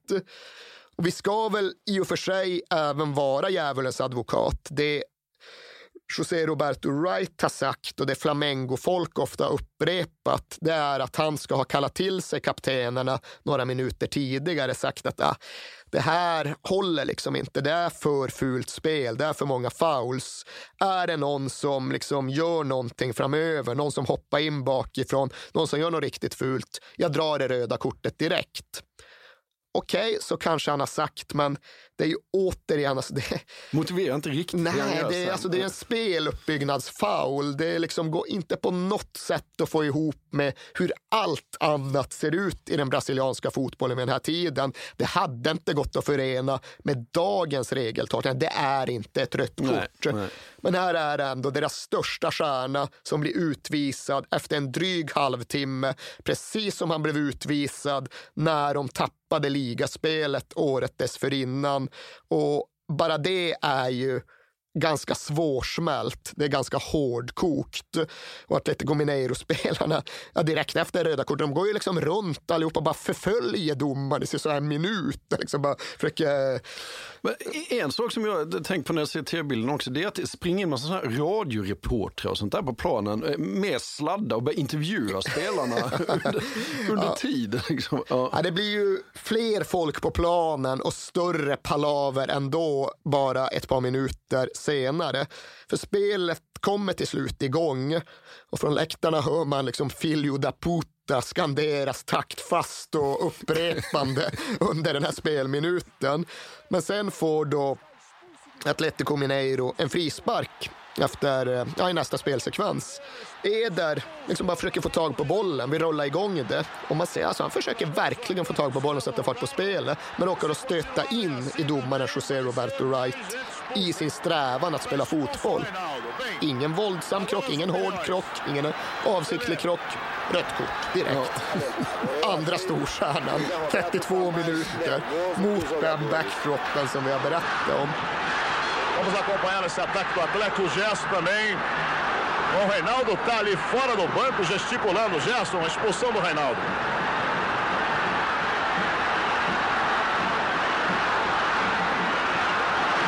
O Éder está expulso. Outro, hein?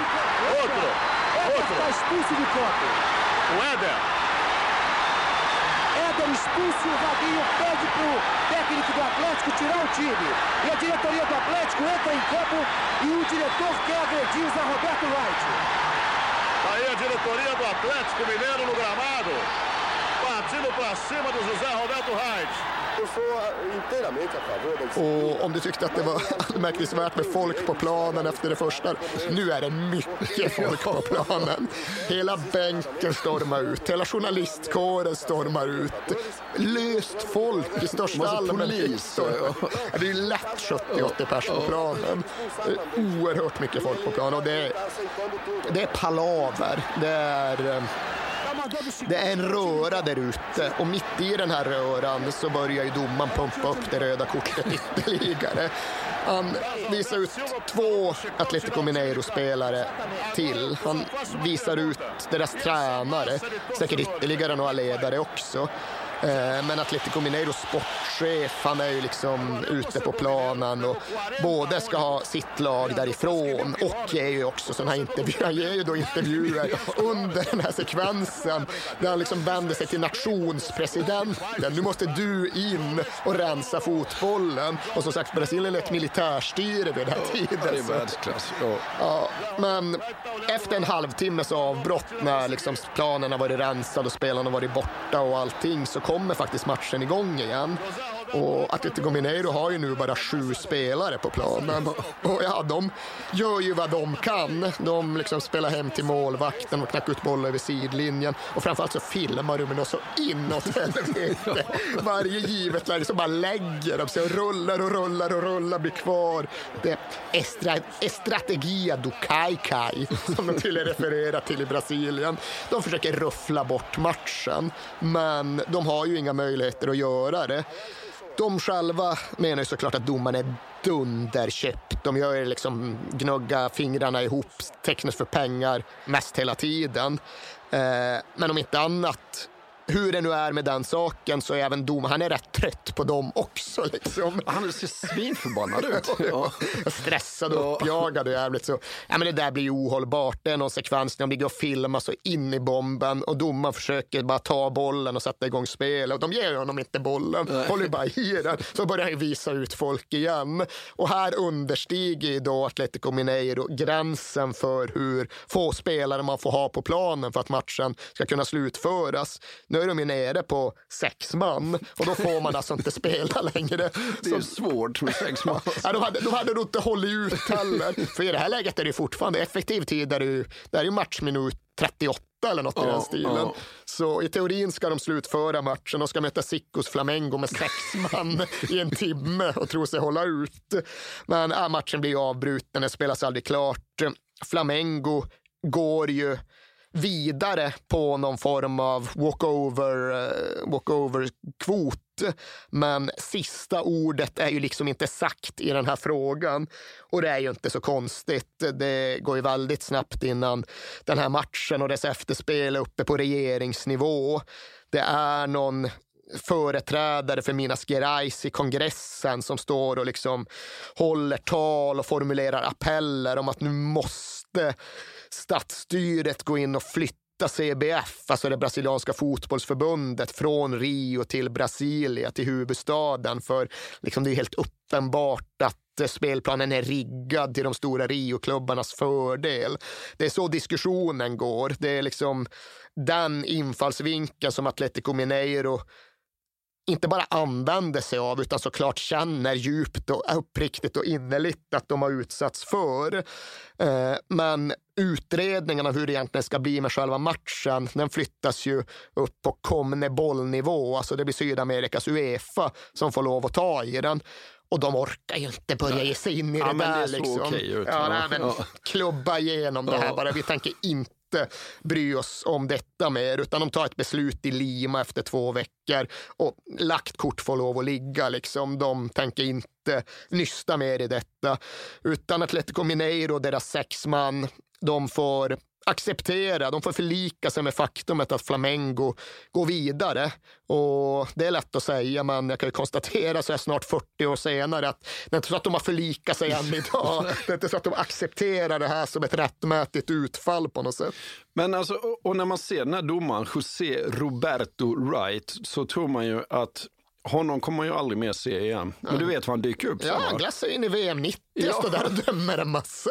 Det är han som ger Gassa det gula kortet så att han missar VM-finalen. Det var jag faktiskt inte klar över. Ja, han tacklar Thomas Berthold och så tårarna från Gassa är Wrights fel. Gassa är Atletico Mineiro, 100 procent. Han skulle lätt dra på sig den tröjan. He has actually, Gascoigne, got a yellow card. Now, oh dear. Oh dear me. He's going to be out of the final if England get there. For the tackle on number 14, Berthold. Gascoigne has had his second yellow card of the competition. And here is a moment that almost brings tears to his eyes. You're quite right, he is nearly in tears. Look at him, he's shattered because really th- there was no need to book at that stage. Uh, the legs are a bit tired. Uh, I can't understand why he's booked in there. Uh, Paul Gascoigne absolutely shattered. Hoping it doesn't affect his performance. Flamengo tar sig vidare. Då är det ett nytt gruppspel, alltså det är så krångligt det här, men det, nu är det ett nytt gruppspel så, i Libertadores och då är det lite andra... Bara för att göra det krångligare Ja. så måste vi även passa på att skjuta in lite andra minnesvärda matcher. För som sagt, det är så krångligt, det är så många turneringar, det är så mycket som händer Ja, under missar. Ja. ett brasilianskt år vid den här tiden. Och eh, de spelar ju liksom, ja, men de är ju uppe på NHL-siffror. De spelar 80-90 matcher per kalenderår och de har ju åtminstone fyra, fem olika turneringar. Och i synnerhet då distriktsmästerskapet Cariocan och ligaspelet och Libertadores-spelet och klubblags-VM. Allt det där sätter de jättestort värde på. Men därtill planerar de ju in en massa träningsmatcher, uppvisningsmatcher, tjäna pengar-matcher av olika anledningar. Och ofta är de också rätt eh, rätt uppiskade. Vi nämnde tidigare att de hade haft den där matchen där Pelé var inne och körde för Flamengo 79. Nu spelar de bland annat en match mot Boca Juniors för att Zico ska möta Maradona. Det. Och det är egentligen för att de ska ta avsked av spelaren Carpe Gianni eh, och sen säga hej till coachen Carpe Gianni. Ja, då får han liksom en egen match mellan Flamengo och Boca Juniors. Och de möter Zico Maradona. Och vi nämner väl det mycket för att Zico sätter ner foten lite grann i den matchen. Han gör två mål, Flamengo vinner med 2-0 och även om inte det är någon form av slutgiltigt argument för vem av de två som var bäst så sa det absolut något om hur status och maktförhållandena såg ut de två emellan 1980-1981. Då var det Zico som styrde och ställde. De möttes 82 i VM också va? Ja, det gjorde de ju. Ja. Det var i och för sig en annan typ av match. Ja. Men eh, mitt i allt är ju dessutom Flamengo i Europa och studsar några gånger. De är i Spanien och spelar. De är nere i Italien, gjorde 5-0 på Napoli. Ja. Det var visserligen innan Maradona man var där, men även det kan man ju nämna bara för att ändå indikera lite grann hur bra Zico och Flamengo verkligen var vid den här tiden. gjorde hattrick där va? Det utgår jag Ja, ifrån. ja, det gjorde jag ja, garanterat. Eh, Men sen har de ju som sagt även de här andra, andra turneringarna och vi måste bara knö in en match de spelade mot stadsrivalen Botafogo i Cariocan mitt i allt. För det är som sagt en av stadsrivalerna och det var kanske framför allt den rivalen som Zico kände starkast inför. För dels hade han sett Garinchas Botafogo terrorisera Flamengo när han själv var liten grabb. Och dessutom var en av hans första matcher som ung Flamengo-spelare ett möte mot Botafogo där Flamengo förlorade med 6-0. Där den gamla VM-skyttekungen från 1970, Jair, gjorde fyra mål. Och ända sedan den dagen, genom hela 1970-talet, så sjöng ju Botafogo om det. De höll upp sex fingrar hela tiden. Och sen kom den här matchen när Flamengo började rulla in bollar. Och det kanske egentligen inte var den största matchen för kalenderåret. Men när det gick upp för alla, när det gick upp för Zico att här gick det att radera ut traumat från 6-0-förlusten, då spelar han ju som en besatt. Mm. Den match han gör mot Botafogo här i Cariocan, det kanske är en av de absolut bästa han någonsin gjorde. Och till slut så lyckas de vinna med 6-0, segermål i slutminuterna. Och det var nästan lika mycket värt för dem som någon av bucklorna de lyfte under den här perioden. För det liksom skrev om hela historien om rivaliteten mellan Flamengo och Botafogo. Det förändrade hela den dynamiken.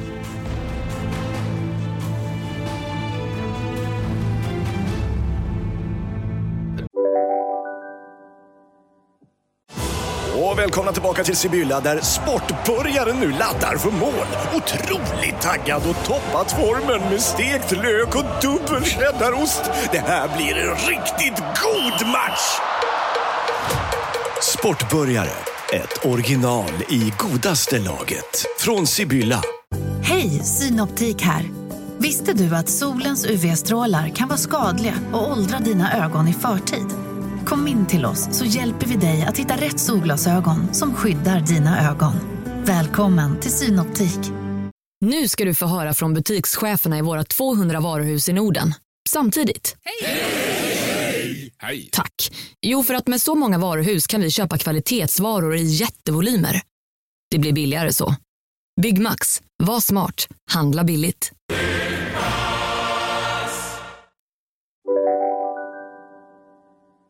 Där måste jag väl nämna också att när man, eh, man kan få jobbiga eh, bortamatcher i Champions League, man kan åka till eh, Donetsk eller något och det kan vara jobbigt, men det är inte riktigt på samma nivå som i Libertadores va? Nej, och det är det här som man såklart gillar att romantisera. Det är mycket som är annorlunda och som är lite exotiskt med sydamerikansk fotboll vid den här tiden. Det brutala spelet är en, liksom det röriga beslutsfattandet och det svårbegripliga matchschemat är en annan. Men frågan är om inte liksom de krävande och innehållsrika bortamatcherna är det jag gillar allra mest. För de får då två stycken motståndare i det här andra gruppspelet. Dels Deportivo Cali från Colombia och så Jorge Wilsterman från Bolivia. Och de börjar med att åka till Colombia, eh, möter det hemmastarka Cali och lyckas kämpa hem ett resultat. Men även där är det inte matchen man riktigt fastnar för när man läser om deras upplevelser, utan det är ju mer dagen efter då Junior av någon anledning låter sig förföras av en entusiastisk 16-årig supporter. Alltså en grabb som liksom bara vill snacka fotboll, som vill ha hans tröjor, som vill hänga med Junior. Junior tänkte, ja men okej, verkar väl soft liksom. Följer med den här killen, ska åka hem till honom. Och då kommer han ju till ett palats eh, som är inmurat, som har vaktkurer och där det givetvis sitter någon så här kartellkung och eh, är pompös på en tron när Junior väl kommer dit. Han hade haft med sig en matchtröja för att liksom ge i gåva till de här entusiastiska colombianerna. Vad tror du han får för gåva i utbyte? Kokain kanske? Faktiskt inte, en pistol. Ja. Det ska han ha med sig Ja. tycker han. Eh, och det konstaterar väl Junior och åker tillbaka med. Men sen är det då den här bortamatchen mot Jorge Wilstermann och den tycker jag ju nästan är ännu mer fängslande. Du vet väl förresten varför den klubben heter som den heter? Nej, det gör jag inte. Det är Bolivia va? Ja, exakt. Nej, jag vet faktiskt inte. De eh, är egentligen då flygbolagets gamla korplag. Det är liksom, ja, men, anställda på flygbolaget som börjar kicka lite boll. Eh, men sen förolyckas då flygbolagets stora järva pilot Eh, den första kommersiella piloten som någonsin fanns i Bolivia. Eh, han går under efter en krasch eh, på någon märklig rutt i Anderna och då tycker jag liksom, ja, men då, då döper vi om hela klubben efter honom. Så än idag heter ju då en av Bolivias absolut mest, mest framgångsrika klubbar Jorge Wilsterman, efter en pilot som korsade Anderna eh, någon gång på 1930-talet. Det gillar man ju ändå. Det gör man verkligen. Ja. Men för att då ta sig till hans hemstad, till flygbolagets hemstad Cochabamba, då får ju Flamengo-supportrarna sannoliken anstränga sig. För det här är inte längre 40 mil till, eh, till Belo Horizonte, utan det är 330 mil rätt genom Mato Grosso, över Anderna.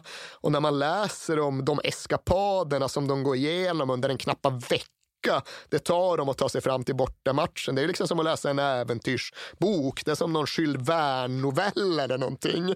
Det är generellt kul att läsa om Flamengo-anhängarna, kanske framför allt på den här tiden. För jag har ju både deltagit i, men kanske framför allt läst om organiserad europeisk supporterkultur. Och där finns det ju alltid hinder att övervinna och de bortaresorna har sin karaktär. Men det här är ju liksom något annat. De ska liksom korsa floder på bambuflottar och de ska bestiga berg och de också får vana liksom, Flamengo-supportrar när de reser organiserat. Deras grej är inte så mycket att de liksom ska slåss eller inte att de ska stjäla heller. Det hade ju till exempel Liverpool-supportrarna för sig när de började åka ut i Europa. De snodde med sig märkeskläder hem och det blev liksom startskottet för hela casual-kulturen, hela det klädsättet. Flamengo-anhängare, de snor boskap istället. de snor djur. När de åkte i den där karavanen för att spela mot Atletico Mineiro borta, då snodde de en massa jätter getter som kom in. Hade de så mycket getter på bussarna? Ja, vad ska vi med dem till? Någon annan gång så hade de blivit gripna för en massa grejer. Liksom 15 man satt gripna i någon konstig liten polisstation uppe i bergen. Åkte de dit, ledarna skulle försöka förhandla loss dem. Snodde de liksom poliskonstapelns alla valpar som åkte därifrån med valparna. Ja. Men om nu ska på den här bortamatchen så är det liksom så här, vad fan, för de åker ju då genom både djungel och ja, uppe i anden och djur, de har liksom ingen relation till djuren. De ser bara, vad fan, är det här användbara djur? Liksom, inte vet jag, någon tapir med en svinlång nos. liksom, ska vi ha mer dem eller hur ska vi göra? Men ja, det är extraordinära skildringar av krävande bortaresor. Och det är klart att det är en typ av påfrestning för supportrarna. Det är en annan för laget. Men även där är det ju liksom minnesvärt på det här röriga sättet. Dels ligger ju stan i sig, Cochabamba, så 2 500 meter över havet. Så de var tvungna att ta med sig en massa syretankar och grejer. Lasta på syretankarna på planet. Plötsligt står man ändå in en massa polis på planen. Okej, okay, vad är det nu då? Och då visar sig att det är den vänsterytter som hette Baroninho. Han fick inte lämna landet för han hade slagit till någon supporter tid och var mitt uppe i en rättsprocess. Så honom baxade bara polisen av spelarplanet när de skulle resa. Eh, sen kom han visserligen till match, men han dyker upp en timme före avspark, rätt ut på plan, sätter en frispark efter en kvart. Men Även om det här var strapatsrikt, även om liksom Junior fick stå där med näsblod för att det var match på så hög höjd och även om Bolivias militärpresident Torelio stod och skrek om liksom nationalism inför avspark, precis som gamle Strössner hade gjort när de mötte Olympia i Paraguay, så var det inte så sportsligt svårt för Flamengo att ta sig igenom det här andra gruppspelet. Det var liksom mycket värre att möta möta Atletico Mineiro ja. än det var att möta de här gängen från Colombia och Bolivia. Så de seglar ju faktiskt vidare härifrån och kvalificerar sig för final i Copa Libertadores på första försöket. Ja, och då är de framme vid final och där väntar chilenskt motstånd.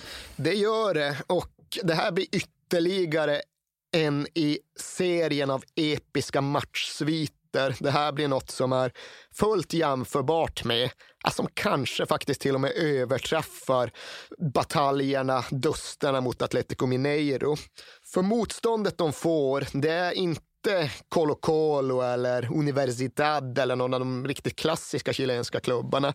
Utan det är ett helt nystartat gäng som heter Cobreloa som bara existerat som förening i fyra år. Grundades 1977 men var de statliga koppargruvornas lag. Stod väldigt nära den näringen och i förlängningen statsapparaten och i förlängningen då finansieringen.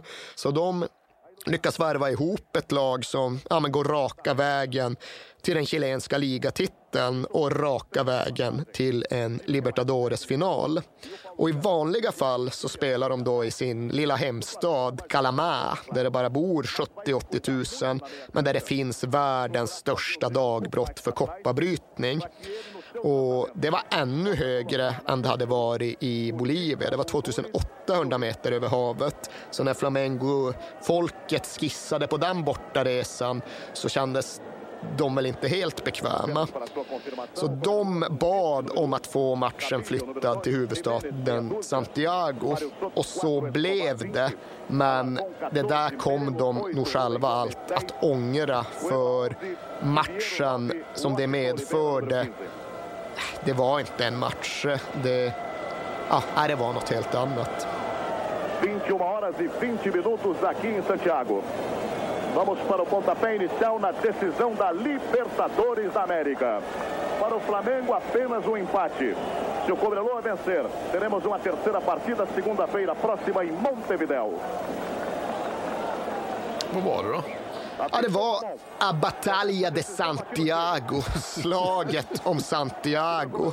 Och den första matchen hade Flamengo vunnit på Maracanã, men de hade gjort det enbart med 2-1. Lagen hade fått varsin straff och Cobreloa hade fått med sig ett användbart resultat hem till Chile.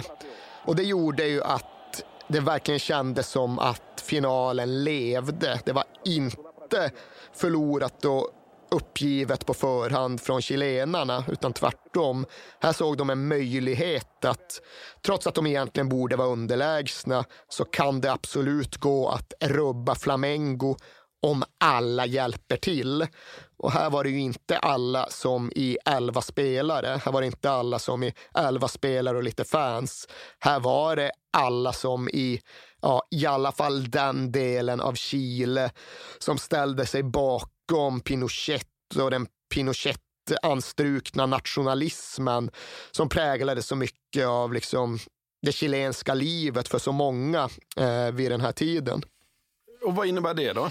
Ja, det innebär ju till att börja med att matchen spelas på den chilenska nationalarenan och det vet ju alla som har läst lite grann om den här tiden av Chiles historia, att det är ju en oerhört laddad plats, en oerhört eh, svart plats på fotbollskartan. För den arenan var ju koncentrationsläger mm. under tiden då Pinochet genomförde statskuppen. Där torterades folk, där avrättades folk, där befann sig fångar som väntade på sin död innan vissa av dem lyckades fly och en hel del av dem faktiskt hamnade i Sverige.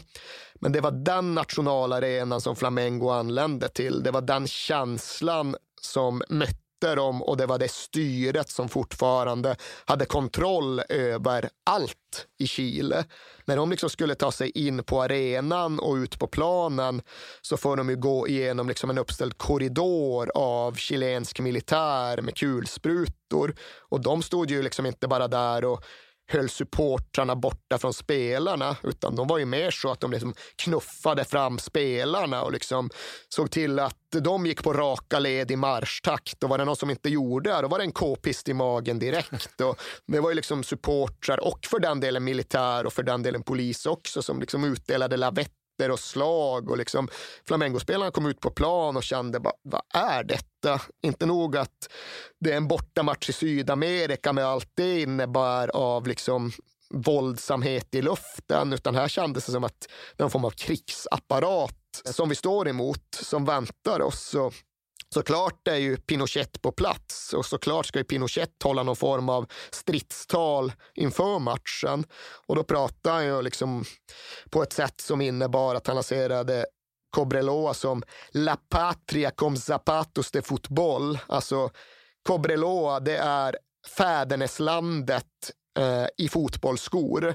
Mm. Undermeningen, ja, det här är Chile som spelar. Det här är den chilenska statsapparaten som spelar. Det här är militärstatens Chile som ska visa sin kraft och sin makt. Och det här var kanske inte matchen och arenan som Flamengo-supportrarna åkte till och plockade med sig eh, en halv ark hem på bussen, utan de fick sin sektion och de märkte snabbt att det här blir ingen picknick för det regnar ju grejer över dem. Regnade stenar över dem, oöppnade ölburkar, oöppnade läskburkar. Och så var det för spelarna också. När de försökte gå ut på plan, när Leandro försökte slå en hörna efter tre minuter, det gick inte för det regnade ju grejer över honom. Och Leandro var en av de som kände att det här går liksom inte, för han lyckades inte slå den där hörnan. Han kollade på motståndarspelarna i spelargången och upplevde att det här är inte så att det står rätt till. Han menar ju att de spelade dopade, för han mm. hävdade att han såg liksom vidgade ögon, vidgade pupiller, fradga runt munnen. Eh, dopade spelare. Dessutom så vittnar många Flamengo-spelare om att det chilenska laget, flera av dem, de går ut till match med stenar gömda i händerna. De spelar med stenar i händerna och de använder stenarna också. Chilen har en mittback som heter Mario Soto, liksom deras ledare, deras anförare, deras indianhövding. Och han ska ju då haft en sten i handen, stor som en citron, menar Flamengo-spelarna. Och visst, han döljer den, men återigen, han visar upp den, han hotar med den. Flamengo-spelarna menar ju att den uruguayanska domaren ser allt det här. Mm. De påstår att ja, vi går fram, vad fan, de har ju stenar liksom. Domaren, ja, ni får väl slåss tillbaka då, ni får väl kämpa lite grann. Det ska också säga att det fanns ju en bild på den här tiden av brasilianska lag, klubbar och den brasilianska fotbollen som vek, skör. Visst, de kan dribbla och de kan showa, men kan de klara en Libertadores-match i Uruguay, Argentina eller Chile när det blir lite tufft? Bilden var att nej, det kan de ju inte. Och I den här matchen går det inte många minuter innan Flamengo som spelar i vita tröjor de börjar ju liksom ha blod på tröjorna. Mm. Det är tror jag Adilio som blir den första som verkligen liksom, ja, men det är bara blod på hans tröja. Och sen är det också en situation där den här Mario Soto definitivt slår till Lico. Han slår honom i ansiktet och Flamengo spelar menar ja, han slår honom med en sten i ansiktet. Ja. Och han får ju bryta. Han får ju åka direkt till sjukhus och bara forsa blod. Han blir nästan blind av det. Så han är liksom ur spel. Och efter 45 minuter ska de försöka komma tillbaka till omklädningsrummet och någonstans bara försöka samla ihop sig. Det går ju inte. Det bara regnar prylar av dem. Så och de är ja, men, mörbultade, ett lindrigt ord. Men i det här läget så leder de fortfarande finalen. De har 2-1 från hemmamatchen. Det står 0-0 och det är inte så att det är några bortamål på den här tiden, men det räcker ändå med kryss. Mm. Och rent spelmässigt är det klart att Flamengo är klart bättre. Men då måste de i paus gå och ge dem, inte strategin för hur de ska spela andra halvlek, utan strategin för hur de ska komma därifrån levande. Ja. Hur fan gör vi om vi vinner? Ja. Liksom, vad händer då? Och den strategin där de utformar, det känns inte helt hållbar, men det är vad de har. Okej, alla till mittcirkeln, rygg mot rygg. Liksom gamla cowboy-taktiken när de blir inringade av indianer. Bilda en cirkel, för då kan vi i alla fall inte få något i nacken. Men liksom elva spelare i en cirkel oh. i mitt eh, i ring i mittcirkeln mot då en arena med stridsglada Pinochet-typer. Det är inte jättekul ah, att gå ut och spela den andra oh. halvan. Och Ja, de faller ju som flugor. Motzer blir utburen på bår. Junior ligger på marken redan när de bara kommer fram och sparkar honom i låret. Så han liksom bara haltar omkring. Och till slut trycker Cobreloa in 1-0. En frispark. De styr in bollen 78 och liksom det måljublet, det vrålet, det primalskriket. Ja, det är inte lite aggressivitet i luften, det kan jag meddela. Mario Soto, kapten. Acompaña Olivera. Ese con Olivera. La pide Siviero. Que se ubique en el 9 metros 15. Le mostró más atrás y lo llevó a la barrera donde él mostró. Merelo. Merelo.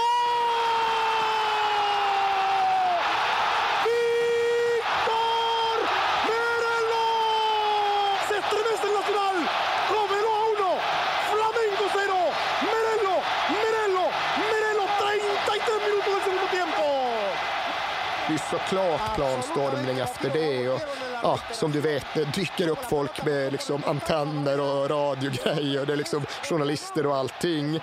Och Junior brukar berätta en historia om att det är liksom en pressfotograf som bara kommer och skrattar honom i ansiktet. Slår han sönder hans kamera, då är det en militär med k-pist rätt fram, k-pisten i magen. Liksom. Ja, vart tar man vägen med det? Men det blir kanske bästa tänkbara utfall för Flamengo. För de förlorar, men de förlorar bara med 1-0. Det ska bli omspel och det ska bli det på neutral plan. De kommer levande ifrån Santiago och Chile och de får med sig Lico som visserligen, alltså hans ansikte är helt igenmurat. Det är verkligen fara för hans syn och så, men det ordnar upp sig och likt hur det var när de spelade den första brasilianska finalen mot Mineiro och de har en sårad kamrat på sjukhuset så blir det återigen den uppslutningen. Okej, okay, vi ska vinna för dig, vi ska göra det för dig, hela den grejen. Men det är ändå så här, alltså att det är ändå 1981, det är inte 1881 och att, att det bara får tillåtas. Ja. Liksom, det, det, är helt otroligt. Och sen ska det ju liksom bli då det här avgörande omspelet på neutral plan och liksom diskussionen i generell sydamerikansk press inför den matchen. Det är ju Flamengo ska, alltså de, säger, de ska ha gulnat i Santiago. Mm. Alltså de ska vara i chickens, de ska ja. inte liksom palla göra jobbet. Och det är liksom retoriken i hög utsträckning. Chilenska spelarna ute och skrävlar i press. Ja, men de kommer ju vika ner sig, det såg ni. Liksom pallar inte, pallar inte lite, lite tryck. och det är klart att det sätter ju sig i Flamengo-gruppen när de har sina spelarmöten och när de liksom tränar för att gå in i den här slutmatchen så är det ju inte så att det är en massa diskussioner om exakt vilka taktiska justeringar och korrigeringar de ska göra, utan det är ju de lite mer återhållsamma och dämpade personerna i spelargruppen som måste försöka få med de andra, majoriteten, på att ja, men vi ska faktiskt spela en match. Vi ska inte ut och slåss. Oh. Sicko får liksom ta spelarmöte. Eller, men, vi är bättre, vi kommer vinna det är värt mer att göra det än att bara gå ut och, och sparka på folk. Liksom. Men tydligen krävs det att Carpe Giani, då den nyutnämnde coachen som var spelare alldeles nyss, att han måste ha förmågan att tänka på spelarnas sätt, förstå sig på dem, hitta fram till en lösning. Så han ska ge dem ett löfte att ja, vi ska spela och vi ska vinna, men med fem minuter kvar, då lovar jag att vi ska göra något som innebär att vi får revansch på chilenarna. Men ni måste ge mig 85 minuter av fotboll först. För ifall ni bara ger mig det, så då kommer vi bli Libertadores-mästare. Då kommer vi bli sydamerikanska mästare. Och sen är det över till er. Och det är liksom den cliffhanger som han lämnar dem med. Han ber liksom om tillräckligt med förtroende för att det ska kännas värt att vinna Libertadores innan de kan ta itu med det där andra. Och där liksom är coach och spelartrupp överens. Det är så vi går in i den slut, avgörande slutmatchen. Och det är exakt det som händer också. Ja, matchen i sig blir ju liksom inte några större problem för Flamengo. Sicko är 1-0 efter en dryg kvart och Corbeloa får en utvisning efter 23 minuter. Och bara där känner man att okej, okay, det är en annan nivå än det var i Santiago. Det är faktiskt så att vi inte behöver oroa oss för att bli dödade, utan det finns faktiskt en domare som i någon mån förhåller sig till det som händer på planen. Sen blir det nog ett litet slagsmål såklart efter 35 minuter, men det är inte det där totala rallarfajten. Det blir varsin utvisning. Mm. Så då är det 10 mot 9. Flamengo får om något liksom ännu lättare att spela ut och spela av. Och de rinner inte iväg med matchen, men 79 minuten så vrider Sicko in en frispark, 2-0, avgjort, klart. Finns inte en chans att nio Cobreloa-spelare ska vända på det här. Och det är tränarens löfte. Ja. ja, då är det dags. Matchminut 85 och sen får han kanske lite hjälp att verkligen aktivera det. För Mario Soto är ju liksom inte färdig med sitt. Inga stenar i händerna den här gången, men knytnäven är fortfarande knuten. Så han slår ju till. Han slår ju till Tita, liksom bara rätt i nyllet. Alldeles framför Flamengos avbytarbänk när det är lite drygt fem minuter kvar. Och redan då vill ju alla storma planen och då är verkligen hålla tillbaka. Men ja, nu är det dags att uh, uppfylla det här löftet. Nu är det dags att låta spelarna casha in. Så Carpiani kallar ju till sig då avbytaren som heter Anselmo och liksom bara, ja, du såg vad som hände den jävla Mario Soto. Bara, ja, alltså du behöver inte värma upp eller någonting. Du har en uppgift nu när jag skickar ut dig på plan. Det är att gå och nita Mario Soto. Det är uppdraget du ska ha. Ja, säger Anselmo liksom. Ja, ja, ja. Bollen spelas ner mot Flamengos mål, men skiter i Anselmo. Han börjar jaga upp mot Cobreloas backlinje. Där är han Anselmo! På Anselmo, Anselmo! Ja, ja, okej. Anselmo bara springer och ja, nitar till honom, slår ut två tänder på den här Mario Soto. Och visst, det blir fight sådär, men det reder upp sig hyfsat snabbt. Och Visst, det blir två röda kort till. Mario Soto blir också utvisad, men eh, han blir gripen av polis också. Allt är någonstans enligt kalkyl och plan. Till och med liksom den lugna, återhållsamma, ganska förnuftiga Sicko liksom rycker mest bara på axlarna. Ja, men vadå? Hela Brasilien ville slå ner den här killen. Det behövde göras. Och när Flamengo sen återvänder till Rio när de liksom möter massornas jubel, då är det ju inte tvåmålsskytten, superstjärnan, galjonsfiguren Sicko som står i fokus. Det är Anselmo som är kungen. Alla älskar Anselmo. Det är liksom, han är mannen som verkligen har gjort det, som har återupprättat den brasilianska äran. Så eh, han är ju störst av alla i Rio de här dagarna när de firar Libertadores. Ja, då har de vunnit det. Då ska de Eh, 14 dagar senare spela nästa jättematch. Ja, men vägen dit är ju tyvärr inte så karnevalsaktig som man hade önskat efter det här firandet. För när Flamengo återvänder från Montevideo i Uruguay, där den avgörande Libertadores-matchen spelades, då tas de ju inte bara emot av miljoner fans de möts även av en gammal kär bekant, Claudio Coutinho, den gamla arkitekten, den gamla tränaren. Han har kommit tillbaka till Rio efter sitt äventyr i Los Angeles och USA och han blir av naturliga skäl liksom en central del av firandet. Alla accepterar och erkänner att det är han som har byggt och skapat det här. Carpe Gianni ser honom som sin mentor det var liksom både han som värvade honom till klubben och som i någon mån lärde honom och förberedde honom på att vara coach. Så Claudio Coutinho, han är liksom med i festens kärna under hela det här firandet. Han är en del av Libertadores-titeln, inget snack.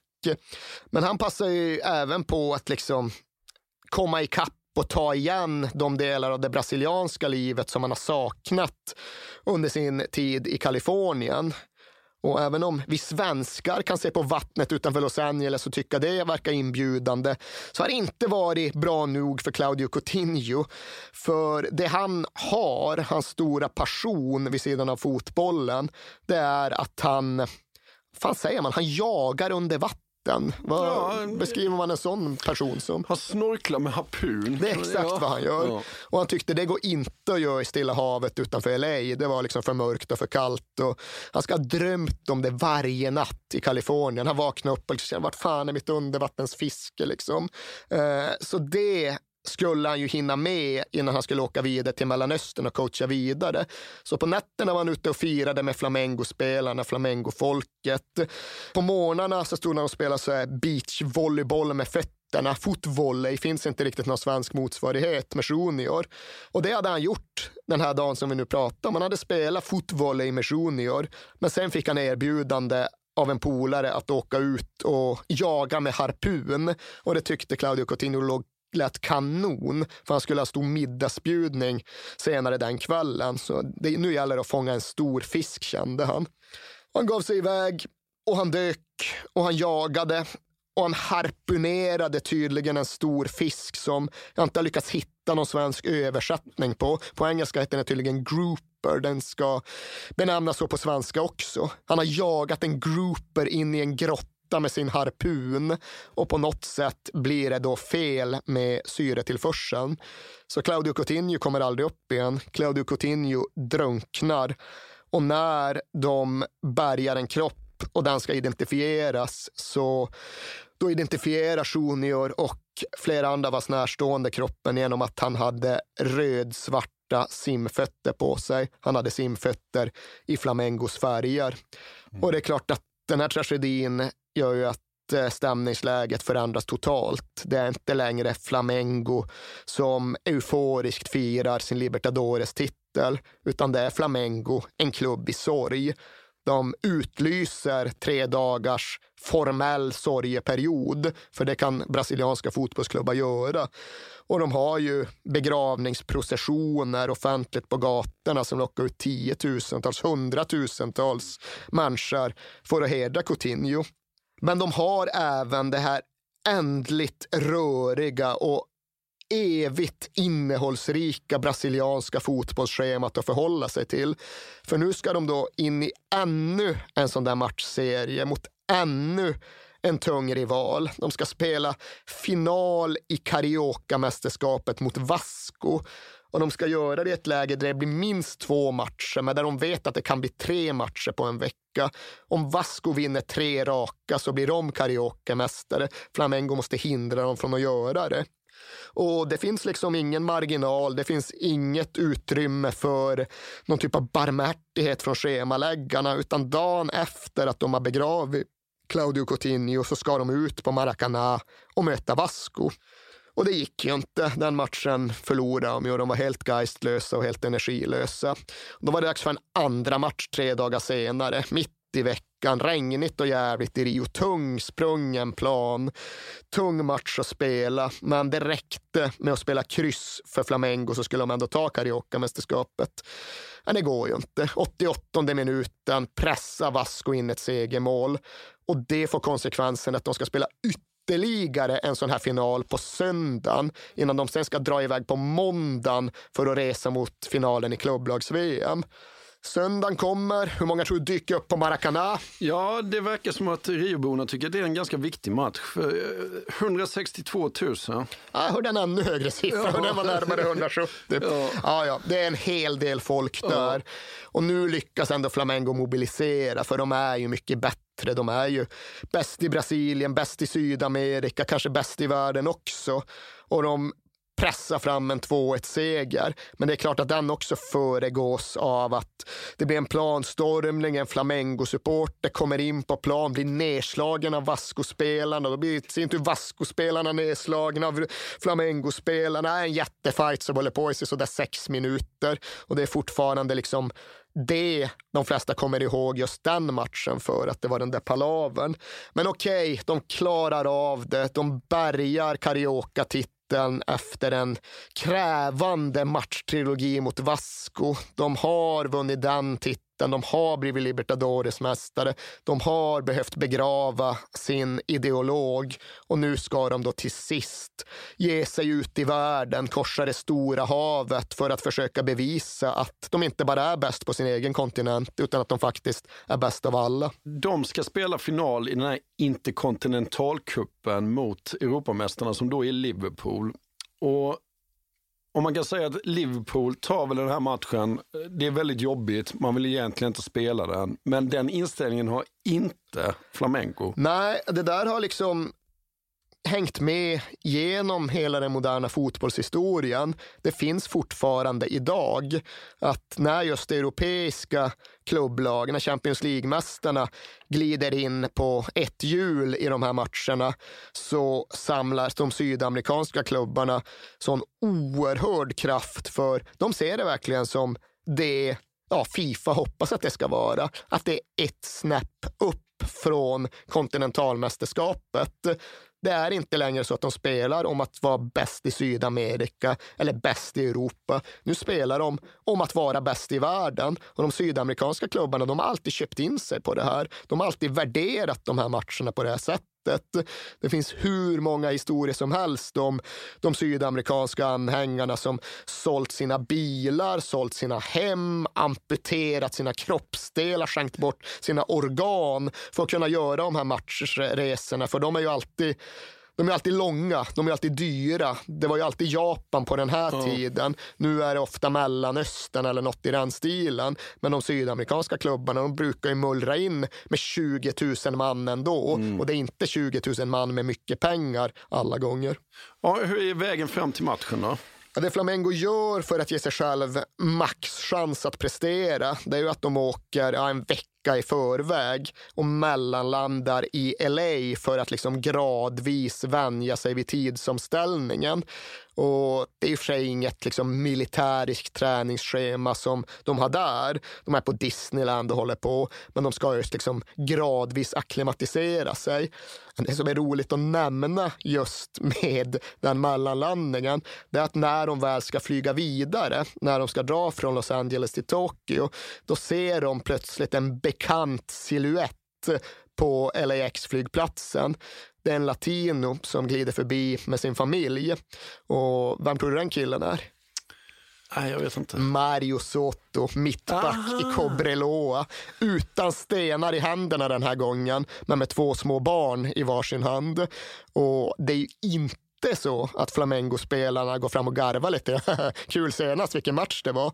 Utan de går verkligen fram hotfulla, menande, låter honom veta och förstå att det är enbart för att du har din familj med dig eh, som du överhuvudtaget kan lämna den här flygplatsen. Det var alltjämt den vibben som präglade den relationen. Man kan, eh, alltså, en grej man måste säga är ju att det måste varit fruktansvärt pressande att vara fotbollsspelare i, eh, i Brasilien under den här tiden. Alltså med, med allt yttre tryck på Ja, dels liksom alla politiska undertoner, dels liksom massans krav, dels ja, men den rena fysiska brutaliteten. Hade man varit en sick Zico eller Maradona eller en Reinaldo i Atletico Mineiro, då hade man ju just gått in i varje match med vetskapen om att här finns det åtminstone sex, sju barska gossar i motståndarlaget som liksom kommer turas om att försöka sparka sönder dig. Ja. Alltså inte bara försöka köra lite taktiska fouls för att fördröja matchen och förhindra dig från att styra den, utan verkligen så försöker skada ja, dig. Det är inte klokt. Ja. Matchen då? Ja, då var det ju betydligt enklare att möta ett lite halvlojt Liverpool än ett sjövilt Cobreloa. För även om Liverpool såklart var ett jättebra lag så går det ju inte ens för dem att gå in lite ljumma mot ett uppskruvat och numera väldigt stridståligt Flamengo. Så det blir ju ingen match överhuvudtaget. Flamengo är ju totalt överlägsna. Innan paus har de gjort 3-0 och det är såklart Sicko som styr och dikterar. Det är han som likt alltid spelar fram Nunes till ett par mål och så stöter de in en retur och så är det liksom klart och över.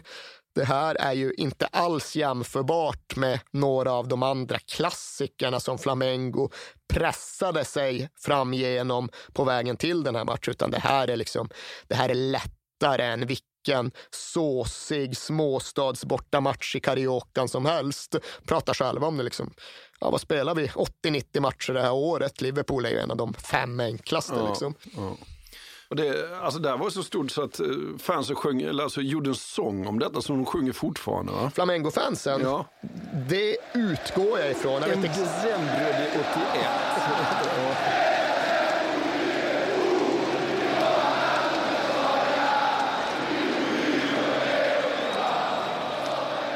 Ja, det, ja. Nej, jag skulle tro att de har ett helt batteri av sånger uh, runt denna händelse. För även om matchen är enkel så är ju inte avtrycket mindre för det. Nu är det ju liksom Flamengo, Campeón de Mundo. Nu är de ju störst av alla och eh, återigen, det är ju det som de fortfarande refererar till. Och det är det de hoppas kunna upprepa nu. Men det är ju verkligen det som de själva känner har givit om kraften att leva upp till sin storlek och sin status. För som sagt, enorm klubb.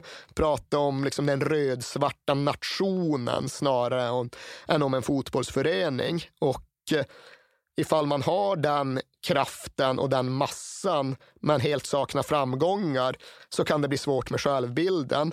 Men Flamengo har varit bäst i världen. De har varit världsmästare. De har erövrat Asien och besegrat Europamästarna. De kan alltid referera tillbaka till det och komma undan med det. Vad hände efter matchen sen då?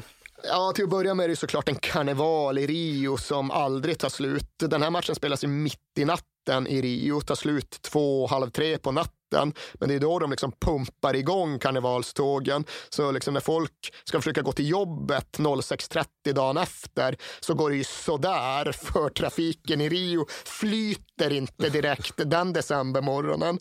Eh, men den festen pågår ännu, höll jag på att säga. Eh, för spelarna så är det lite olika typer av uppgifter. Sicko, han föräras ju med en bil i och med att han blev matchens lirare. Han fick en Toyota Celica och det kanske inte låter så spektakulärt idag, men han satte ett jäkla värde på den där bilen. Han skulle ha hem den till Brasilien, 78 200 kilometer därifrån. Men det var tydligen ett helvete så han fick vända sig till riksbankschefen, som givetvis var Flamengo-fanatiker, för att få importtillstånd. Sen gick det vidare upp till finansministern och till slut fick han hem sin Toyota Celica. Och än idag håller han tydligen på att liksom åka till USA och dra hem reservdelar till den här för att hålla den rullande. Men han ägnar sig åt det. Ett gäng andra spelare de drog till Hawaii för att fira segern. Och det var liksom lite talande för Hawaii i USA. Där var de ju ännu mer okända än de var i Europa. Det var ingen som hade minsta aning om vilka de här killarna var när de stod och spelade sin fotvolley på stranden och när de festade på och när de började ta fram sina sambatrummor och knattra igång batterian. Då var det ju istället för att att det var världsmästarna i fotboll som satt där. Några mörkhyade killar som Hawaii-folket inte riktigt visste vad de skulle göra med. Så till början började de liksom kasta mynt på dem. Liksom, ah, gatumusiker, här får ni pengar. Sen kommer ju polisen, det här kan du inte hålla på, finns det tillstånd liksom? Och det säger ju rätt mycket om varför den här historien som vi har berättat fortfarande är så obskyr och fortfarande är så okänd i vår del av världen. För 1981 då kunde fortfarande Sicko vara bäst av alla utan att Europa riktigt erkände det.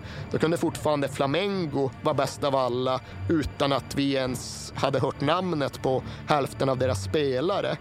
Och då kunde de fortfarande besegra Liverpool, lyfta bucklan åka på semester och bli misstagna för gatumusikanter.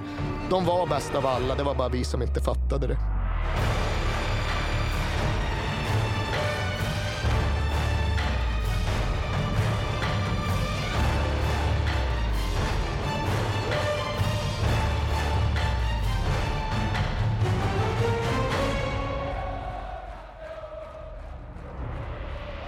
Ni har hört When uh, We Were Kings om uh, Flamengo 1981. Uh, fortsätt mejla oss på kings at perfectdaymedia.se. Det är jättekul när ni gör det. Nästa avsnitt har ni faktiskt röstat fram, så det kommer ni få reda på vilket det är. Vilket är det, Erik? Ja, det blev ju såklart, inte helt oväntat, Arsenal 2003-2004. Och det är väl vad det är. Vi ska utföra uppdraget med glatt humör och sedvanlig entusiasm. Och vi ska framförallt tacka för det otroliga engagemanget runt denna omröstning. Ja, det är helt fantastiskt. Ja, det var ju tusentals olika förslag, olika, tusentals olika säsonger som nominerades och det var sen fler än 17 000 som faktiskt röstade. Men det var ingen av alla dessa tusen och åter tusen som eh, föreslog Flamengo 1981 och därför glädjer det lite extra att det är det programmet som vi har givit er idag. Till det säger vi god jul och vi hörs på juldagen. Hej då! Den här podcasten är producerad av Perfect Day Media.